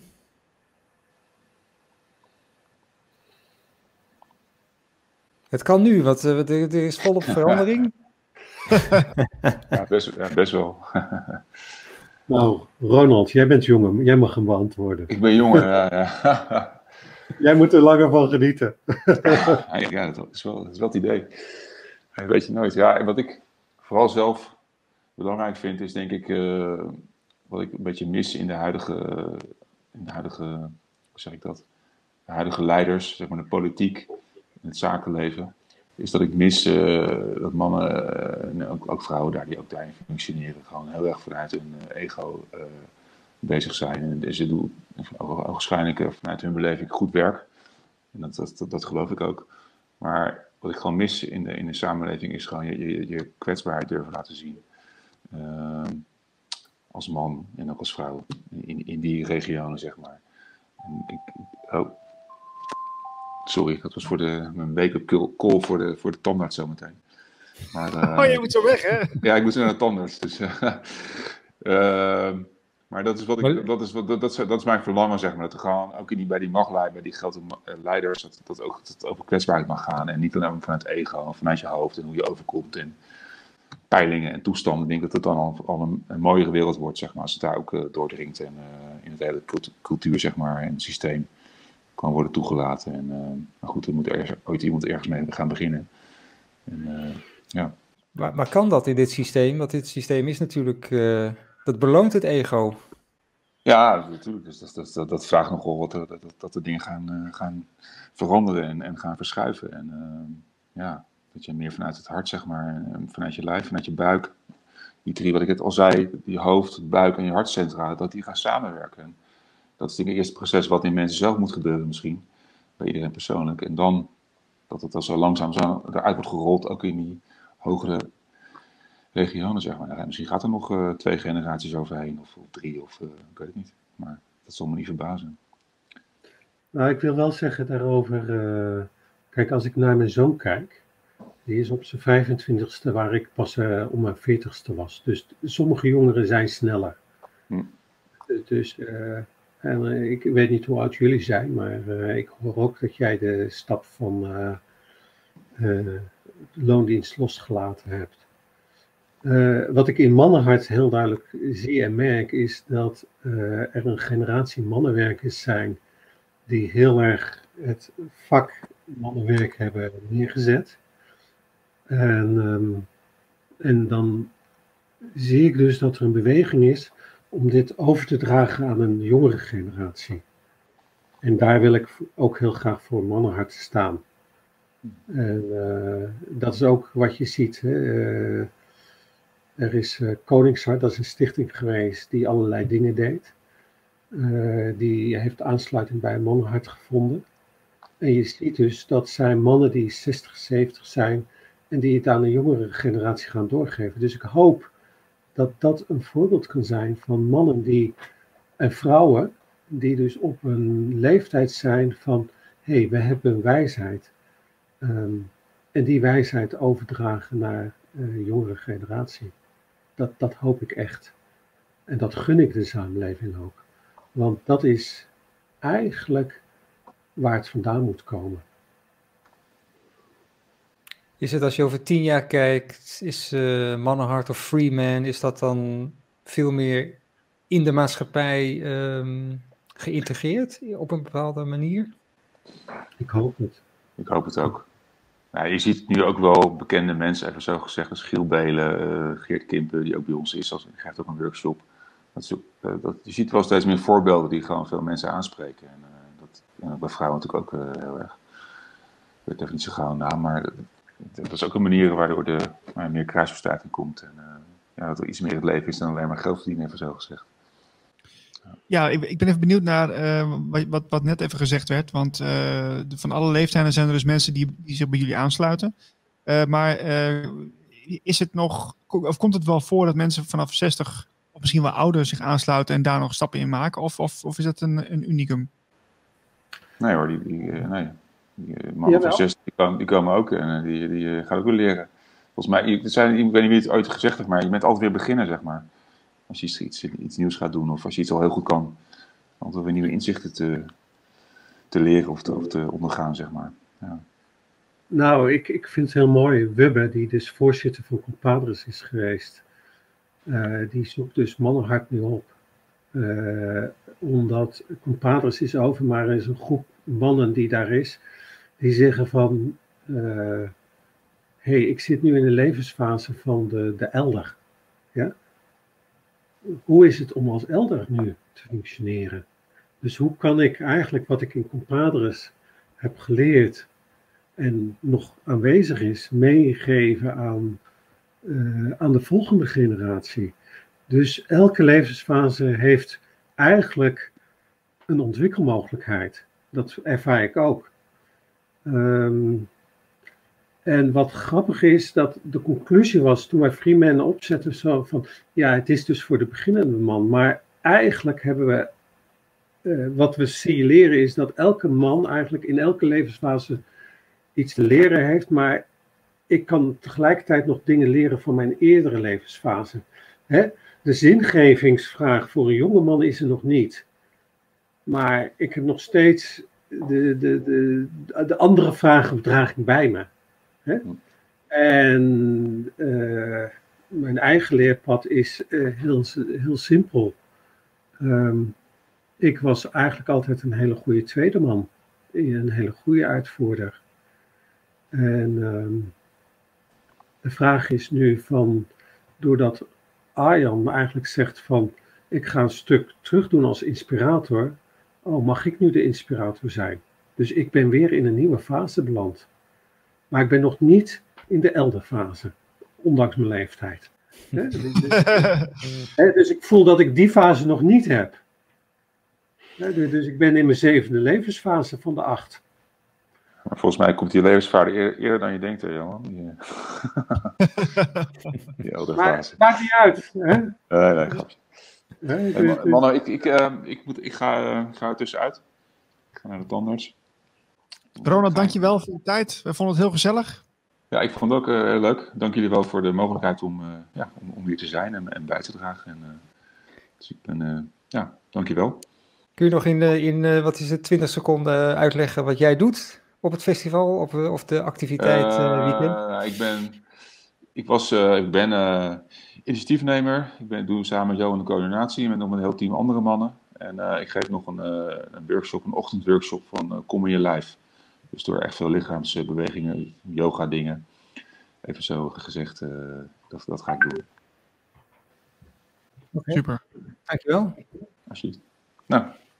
En succes met het tandarts. Dank u wel. Hoi. Hoi. Doei. Hoi. Uh, misschien is het leuk om even in te duiken op het uh, spirituele stuk, uh, Marlijn. want wij hebben voor Radio Gletscher praten over bewustzijn, hoger bewustzijn, diepere radio. ik ben wel benieuwd, Johan, heb jij ook wel eens een spirituele ervaring gehad die je met ons zou willen delen? Ja. Ehm. kijk, ik ben van oorsprong een hoofdman. En die, die, die ken ik nog steeds. Dus als ik zelf uh, eigenlijk uh, naar de spiritualiteit en een deel van de onderbewustzijn die daarbij hoort, moet ik iets extra's doen. Nou, ademhalingsworkshops is er eentje van. En ik heb ook een uh, keer een ayahuasca-ceremonie gedaan. En wat ik daar heel mooi aan vond, was uh, uh, in de ayahuasca. Hè, dan, dan, dan wordt het hoofd eigenlijk even uitgeschakeld. Nou, ayahuasca, als je die drinkt, dat is ook een, een drank waarvan je kan overgeven. En ik deed in een hele veilige setting met een, een vriendin. En die moest overgeven. En op dat moment dat dat gebeurde, uh, toen dacht ik van, oh moet ik ook overgeven, want je voelt het wel. Maar het beeld kwam me bij van, nee, ik moet niet overgeven, ik moet verteren. En daarna ging ik naar alle plekken in mijn lijf die zwart waren. En ik kon ze echt voelen in mijn lijf. Uh, en als ik bij het zwarte was, kwamen er heel veel kleuren. Als een soort vuurwerk. En het was voor mij zo'n bevestiging dat ik niet weg moest lopen van mijn belemmeringen of mijn blokkades, maar juist ze moest aankijken.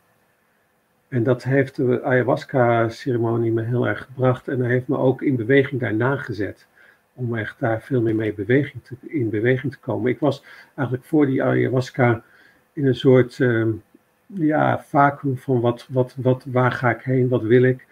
En, en die ervaring heeft me juist dat uh, heel erg gebracht. Dus dat was een hele spirituele ervaring. Ja. Doe je dat mee in je eigen praktijk nu ook? Met, Sorry? Doe, doe je daar iets mee ook in je eigen praktijk met de cliënten? Nee, uh, ayahuasca's mogen niet. Dus ik ben een geregistreerd uh, therapeut. Ik, ik word ook vergoed door de zorgverzekeraars. Ik kijk wel heel erg holistisch. Um, en bijvoorbeeld, uh, ik, ik, ik kan wel bijvoorbeeld die. die ik had een cliënt die iets fout deed en daarna heel erg in de stress kwam en nou oké, acuut een, een, een beeldbeeldsessie nodig had. Heb ik gedaan. Het mooie was wat, dat je dan zag dat ze daarna een aantal nachten heel erg droomde over fouten maken. Dat was de tweede laag die er is. En tegelijkertijd in de terugkoppeling zagen een derde laag van wat is mijn zingeving.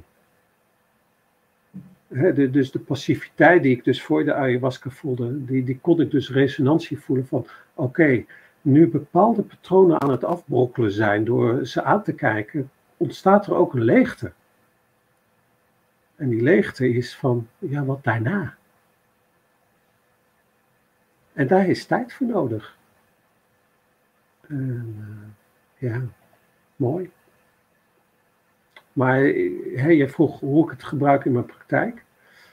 Um, heel essentie is, uh, ik heb drie disciplines. Ik ben rebalancer.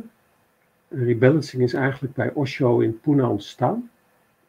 Uh, waarbij die li verschillende lichaamswerkers uh, uitnodigde om van elkaar te leren en de structuur los te laten. Um, en voor mij heeft hij dus heel duidelijk aangereikt van mag je in het niet weten zitten. De tweede is de trigger approach van Milton Traeger. Uh, Milton was een Amerikaan die heel veel met uh, polio-cliënten heeft gewerkt. En die werkte vanuit een mindset van wat is vrij, wat is, uh, wat is speelse, wat is nog zachter. En dat is een lichaamsgerichte vorm, een bewegingsleer, die als je naar Bruce Lipton kijkt, de kracht van motivatie, heel duidelijk werkt vanuit, niet vanuit de kant, maar wat is er mogelijk.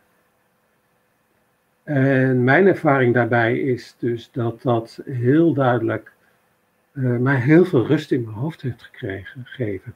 We zijn soms zo gefocust wat ons dwars zit.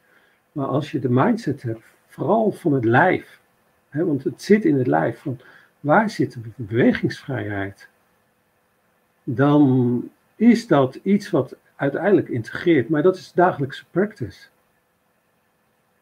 Um, en voor mij is trigger ook eigenlijk, als ik een nieuwe cliënt krijg, vaak een methode om in het rustsysteem, het parasympathisch systeem te komen, omdat daar de veiligheid is.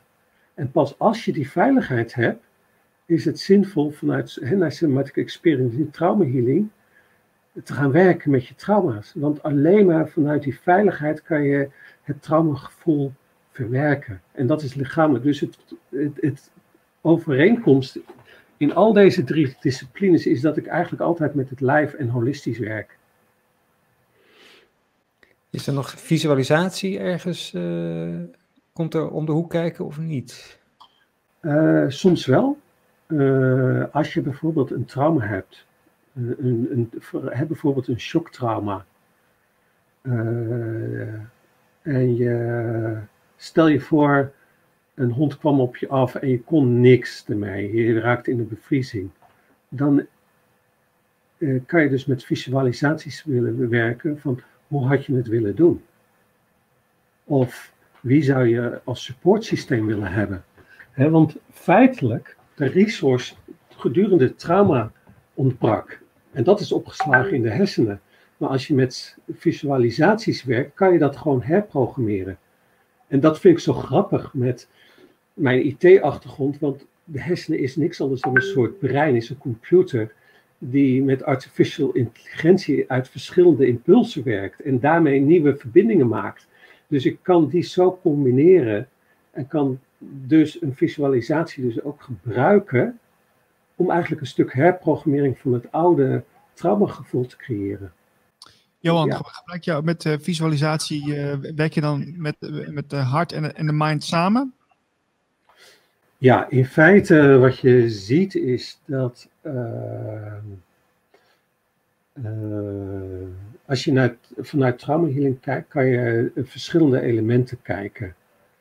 Uh, en dat noemen ze het CBAM-model, waarbij de S voor de sensaties staat. Dus dat is eigenlijk het lichaam. Ehm en, wat we, en als we realiseren dat 80% van onze zenuwbanen gaan van het uiteinde naar ons hoofd. dus we hebben heel veel impulsen, alleen we, we doen er zo weinig bewust mee. dus, dus als wij leren van, hé, hey, ik heb koude voeten. Ja? Oh, ik voel wat kramp in mijn schouder. Dat zijn eigenlijk sensaties. Maar ook, mijn keel gaat dicht zitten, is ook een sensatie.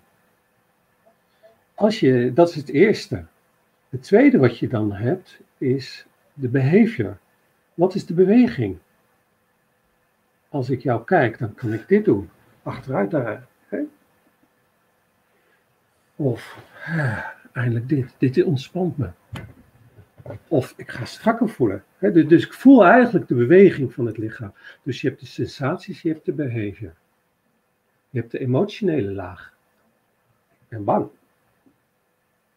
Die mag er ook zijn.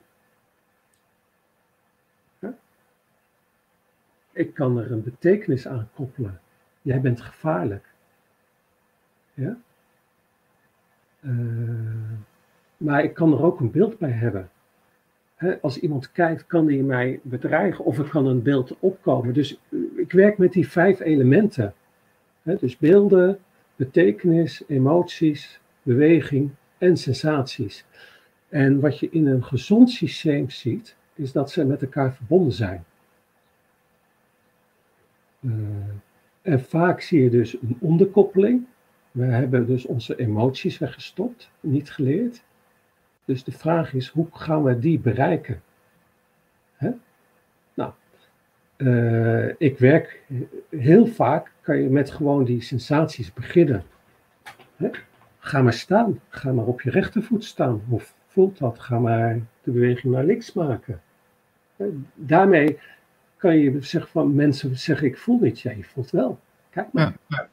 Ik, we, zijn met dit, met dit radiostation ook bezig om te kijken van uh, ja, wie kijken nou eigenlijk naar dit soort programma's? Hè? Wie, wie vinden dit nou interessant? Vaak zitten we toch met een, met een doelgroep die wat, uh, wat op leeftijd is, hè? Vanaf, uh, vanaf de jaren 40 tot, tot 60. Dat, dat is een beetje de, de, de mensen die hier naar kijken over het algemeen.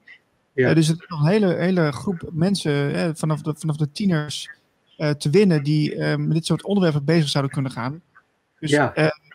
Hoe, hoe denk jij dat, met al jouw ervaring van de afgelopen jaren, hoe zou je dit soort onderwerpen een beetje, ehm, ja, een beetje sexy kunnen maken, een beetje, een beetje interessant kunnen maken? Goeie vraag. Als je het antwoord hebt, vertel het me. ja, ja, want het is, het is natuurlijk best wel, ja, mensen vinden het vaak zwaar of zo. Hè? Dat is, dat, hoe kunnen we die zwaarte daar nou van afhalen van, van, van dit soort onderwerpen?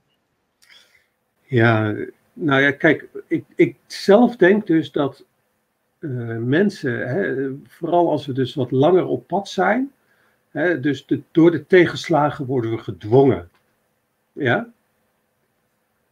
Het, is, het zou zo fijn zijn als we dus dit soort processen kunnen doen van het helpt jou te ontwikkelen.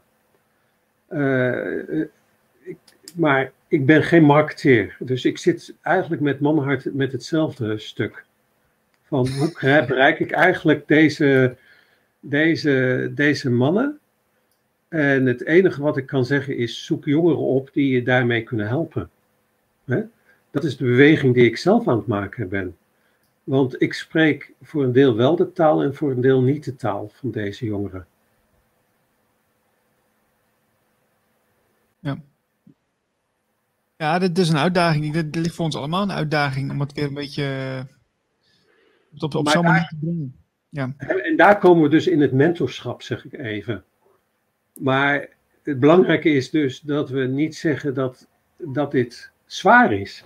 En daar begint het al, dat is ook de trigger. Het kan leuk zijn. Ja, ja nee, maar kijk, dit is mijn vertaling. Hè? Dus ik, uh, ja. dit is hoe ik het vertaal van hoe ik het bij andere mensen zie, dat ze, dat, wat, wat, het bij, wat het bij hun oproept. Ja. Voor mij is het helemaal niet zwaar. Ik vind, ik vind het juist heel leuk om, de, om nieuwe dingen te leren. En ik heb de afgelopen jaren best wel wat aan mezelf gewerkt. Hè. We andere voeding uh, gaan, gaan, gaan, gaan proberen. Uh, meditatie gaan doen en uh, alle, alle dingen onderzocht. Ja, Dat, is, uh, dat, is, dat is leuk. Maar ja, heel veel mensen denken van ja, als ik dat doe, dan, uh, dan verandert mijn wereldbeeld. En dan misschien krijg ik dan hele andere ideeën over hoe de wereld in elkaar zit. En misschien verander ik daar heel erg door. Ja, dat is, ja. Dan, raak, raken ze de comfortzone raken ze kwijt. Ja, en tegelijkertijd moeten we realiseren dat uh, als ik zelf kijk naar mijn eigen zoon, hè, die nu 28 is, die is al in zo'n leerproces bezig geweest. Hè vanaf uh, puberteit naar eigenlijk. Uh, en hij zegt ook: Ik wil nu even carrière maken. Hij wil geld verdienen. Uh, de reflectie die ik hem kan geven is: hoe ga je voor jezelf zorgen dat je niet over grenzen gaat? En maar het grappige is dat hij met wel die vragen naar me toe komt. Dus. en mijn schoondochter had ook een werkprobleem met stress gerelateerd probleem. Dus ja, hoe ga je met stress om is denk ik een hele belangrijk element. Want uh, voor mij ligt er een hele grote druk om de jongere generatie. Want het beeld is dat je perfect moet zijn, succesvol moet zijn. Want dat is wat de media continu doet. Dus als je deze generatie wil bereiken, is het denk ik van hoe ga je met deze stress om? Hè? En als je dan eigenlijk realiseert van ja, is dit wat ik wil bereiken? Dat is de onderliggende vraag daarna. Ja, want je hebt het over Maar- bereiken. Maar, maar kijk, dus er zijn eigenlijk verschillende werelden waar je in kunt eh, leven. Hè? Als je zegt van ik, ik wil bereiken in de zin van carrière. Dan, dan ben je op, op die manier vanuit, vanuit het, eh, het ego-perspectief ben je succesvol. Maar als je bijvoorbeeld je iets aan persoonlijke ontwikkeling doet, dan ben je op die manier weer succesvol. Ja, en tegelijkertijd is het de reflectie die ik ga geven aan. eh, ik heb veel in het bedrijfsleven gewerkt. De mannen die succesvol waren, maar ook authentiek waren, ja, daar had ik het meeste verbinding mee. Dus je kan carrière maken. Maar hoe ga hè, als je carrière maakt vanuit ego-perspectief, ja, dan denk ik van, dan, dan ga je jezelf tegenkomen. Als je carrière gaat maken met bewustwording van de stappen die je daarin wil nemen, maar ook authentiek en in verbinding kan zijn, ja, dan maak je heel anders carrière.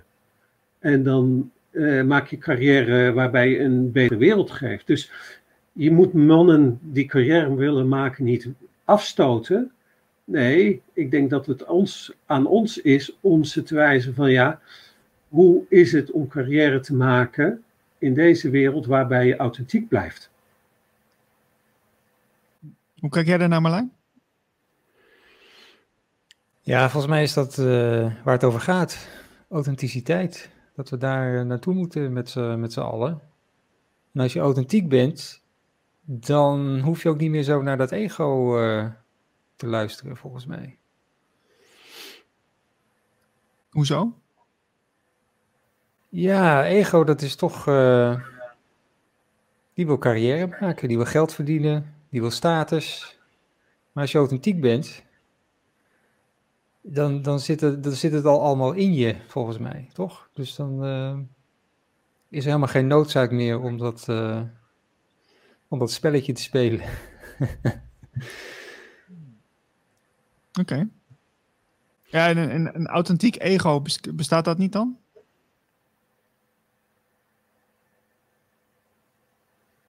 Wat is voor jou ego? Hij, ga- hij gaat de bal weer terugspelen. Eh eh, ego, dat is. ehm, ego zorgt ervoor dat je in je lichaam blijft, in elk geval. Dus zonder ego kan je ook helemaal niet eh, bestaan als mens. Maar ego wil ook graag de baas spelen over je. Terwijl je moet je laten leiden door je gevoel. Dus ego is meer ja, toch meer cognitief dan, denk ik. Ik had het over dat Siemel-model, hè? Eh, waarbij de meaning, de betekenis. Ehm, voor mij is ego dat we allerlei betekenissen hebben ge- ge- ge- geplakt op iets. eh, waarbij eigenlijk dat vanuit overlevingsstrategie is geweest. En, en die overlevingsstrategieën hoeven niet verkeerd te zijn. Nee, want ze hebben jou geholpen om te komen waar je bent. Dus ze hebben je ook gevormd. En er zit een hele kwaliteit in. Ik ben heel analytisch heel sterk. Dus dat is een kwaliteit die ik niet weg moet stoppen. Eh, het ego heeft heel lang gedacht dat ik dat dus alleen maar daarmee moest doen. Ja. Omdat daar de veiligheid zat. Dus dat plaatje loshalen, loslaten, dat het alleen dat is, dat is volgens mij het loslaten van het ego. En daarmee kom je dus voorbij je overlevingsstrategieën. En daar kom je dus bij je. Hè, dat is elke keer die ui-schil afpellen, waarbij je veel meer naar je authenticiteit komt. Maar ego, ego is toch ook eigenlijk een, een, een klein mechanisme eh, wat er eigenlijk voor zorgt dat je je continu overal mee identificeert. En dat je, dat je de wereld extern heel serieus neemt. Bijvoorbeeld. Kan. Ja. Kijk, ego. Kijk, heel simpel. Het, he- ons, ons hersenen en geheugen is net zoals die ijsberg. Het meeste bevindt onder, onder water. Dus, dus je kan ook zeggen, wat er onder water is, is ons ego. Want dat is eigenlijk. Maar dit is ook de enige manier om al die prikkels. Hè? We hadden het over die 80% eh, signalen die naar ons hoofd gaan. Ja, als wij alles bewust moeten ver- verwerken, werkt het ook niet. Dus hè, evolutionair kan het niet anders dat wij structuren opbouwen, dat wij vakjes hebben, dat wij concepten bouwen om te overleven. En tegelijkertijd is dus het bewustzijnsproces dat het ego wordt opgebouwd in je kindertijd en daarna mogen we het weer af gaan breken. Ja. En misschien is het wel aan het einde van, hè, dat is uit de ultieme doodgaan als je ego losgelaten hebt. Zie je dat in je praktijk, een, een eh, bewustzijnsverhoging bij, uh, bij wie jij, uh, wie, bij wie jij, die jij behandelt? Ja, zeker. Ja. Ja. En, dat, en, en, en, en feitelijk is het dus loskomen van je ontwikkelings- of shocktrauma's. Hè? En dat betekent voor mij heel simpel, je moet jezelf niet ontkennen, hè, want dat is wat er veel gebeurt. Dat iets er niet mag zijn van, van wie je bent. Nee, doe dat alsjeblieft niet, want dan ontken je jezelf en dan zit je juist in een kramp. Alleen ga voelen van wanneer die zinvol is geweest in jou, in welke fases. En als je de voldoende rust hebt, wanneer je ontdekt van ja, maar dat is dus een overlevingsmechanisme, dan kan je andere keuzes maken. En dat betekent dus dat je een nieuw bospad creëert en niet op die bestaande platgebaande wegen gaat. En dat is volgens mij uh, werken met ego. Hè? Nieuwe paden ontwikkelen. En, maar merk je ook als er, binnen, als er binnenkomen al uh, mensen nu vergeleken met uh, vijf jaar geleden? dat zal bewust binnenkomen? Wat mij opvalt is gewoon dat jongeren vaak al bewuster zijn dan, eh, dan mijn leeftijdsgenoten. Dus ik kan het eigenlijk alleen maar relateren aan uh, dat ik generaties zie. Ik zie het aan mijn vaders generatie. Uh, dit stuk kan ik met hem niet delen. Ik kan het ook niet met mijn zus delen. Omdat die generatie niet is opgevoed. Maar ik kan het wel met mijn zoon delen. Ik kan het met uh, jongeren delen. Ik was op een retreat en er waren jongere vrouwen waarbij ik een soort mentorrol heb van hey, die, die, waar ik het kan delen. Dus ik zie dat er bewuste mannen en vrouwen zijn. en ik vind ook juist die jongere generatie die bewust is en stappen zet zo inspirerend. En daar word ik blij van als ik die mensen zie. En, uh, Absoluut, ja. Johan. Ik, ik, vind het ook zo mooi dat jullie dat uh, nu ook met, met die groepen samen doen, met die workshops. Want volgens mij is er nog ontzettend veel werk aan de winkel als, het, als het gaat om bewustzijn. En dat er heel veel mensen daarin zoekende zijn van hoe kunnen we nou aansluiten, hoe kunnen we nou, met wie kan ik het wel bespreekbaar maken. Hè? Want dat, dat is vaak ja, het punt. Ik heb dat zelf ook wel meegemaakt en nog steeds af en toe wel, dat ik uh, niet met iedereen dit allemaal kan delen. Maar daarom is het zo leuk dat je gelijkgestemden daarin ontmoet. En dat, ja, ik zou alleen maar zeggen, ga ermee door en heel veel succes de komende jaren. Ja, dankjewel en jullie ook met Radio Kletscher. Ik hoop dat jullie daar een mooie bijdrage aan kunnen leveren op jullie manier. want, want dat is waar we door, als we teruggaan naar de samenleving, een betere samenleving kunnen krijgen. Je bent niet van de marketing, maar uh, plug nog even Freeman. Freeman. Um, ja, weet je. Um, ga het ontdekken. Kom uit je comfortzone. Probeer de stap te doen. En uh, uh, ga het zelf ervaren. En vanuit die ervaring kan je voelen, klopt het of niet voor mij. Het is volgende week, volgende week vrijdag. Je, nee, iedereen kan nog, uh, of zit het vol? Ja. Of, uh... nee, nee, nee, nee, er zijn nog een, een, een, vijftigtal kaarten, schat ik zo ongeveer.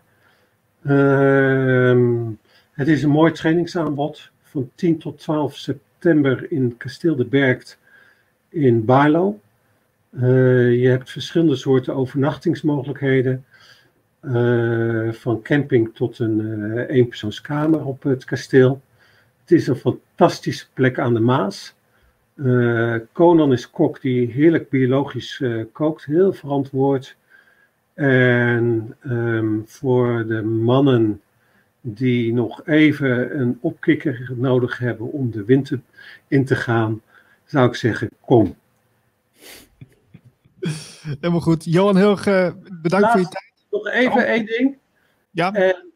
Eh, mocht geld een probleem zijn, neem een broeder mee. Hebben we een hele mooie broederschapskorting waarbij je dus met z'n tweeën komt. Dus, en daar kan ook weer veiligheid in zitten. Kijk, helemaal goed. Ehm, heel veel succes de komende tijd, Johan. Dankjewel. Ja, dank jullie wel voor de uitnodiging. En tot kijk. Morgen zijn we er weer. Uh, vanaf 12 uur tot 2. Uh, Radio Gletscher met weer een nieuwe gast. En ik wens iedereen een hele fijne dag. Bye bye.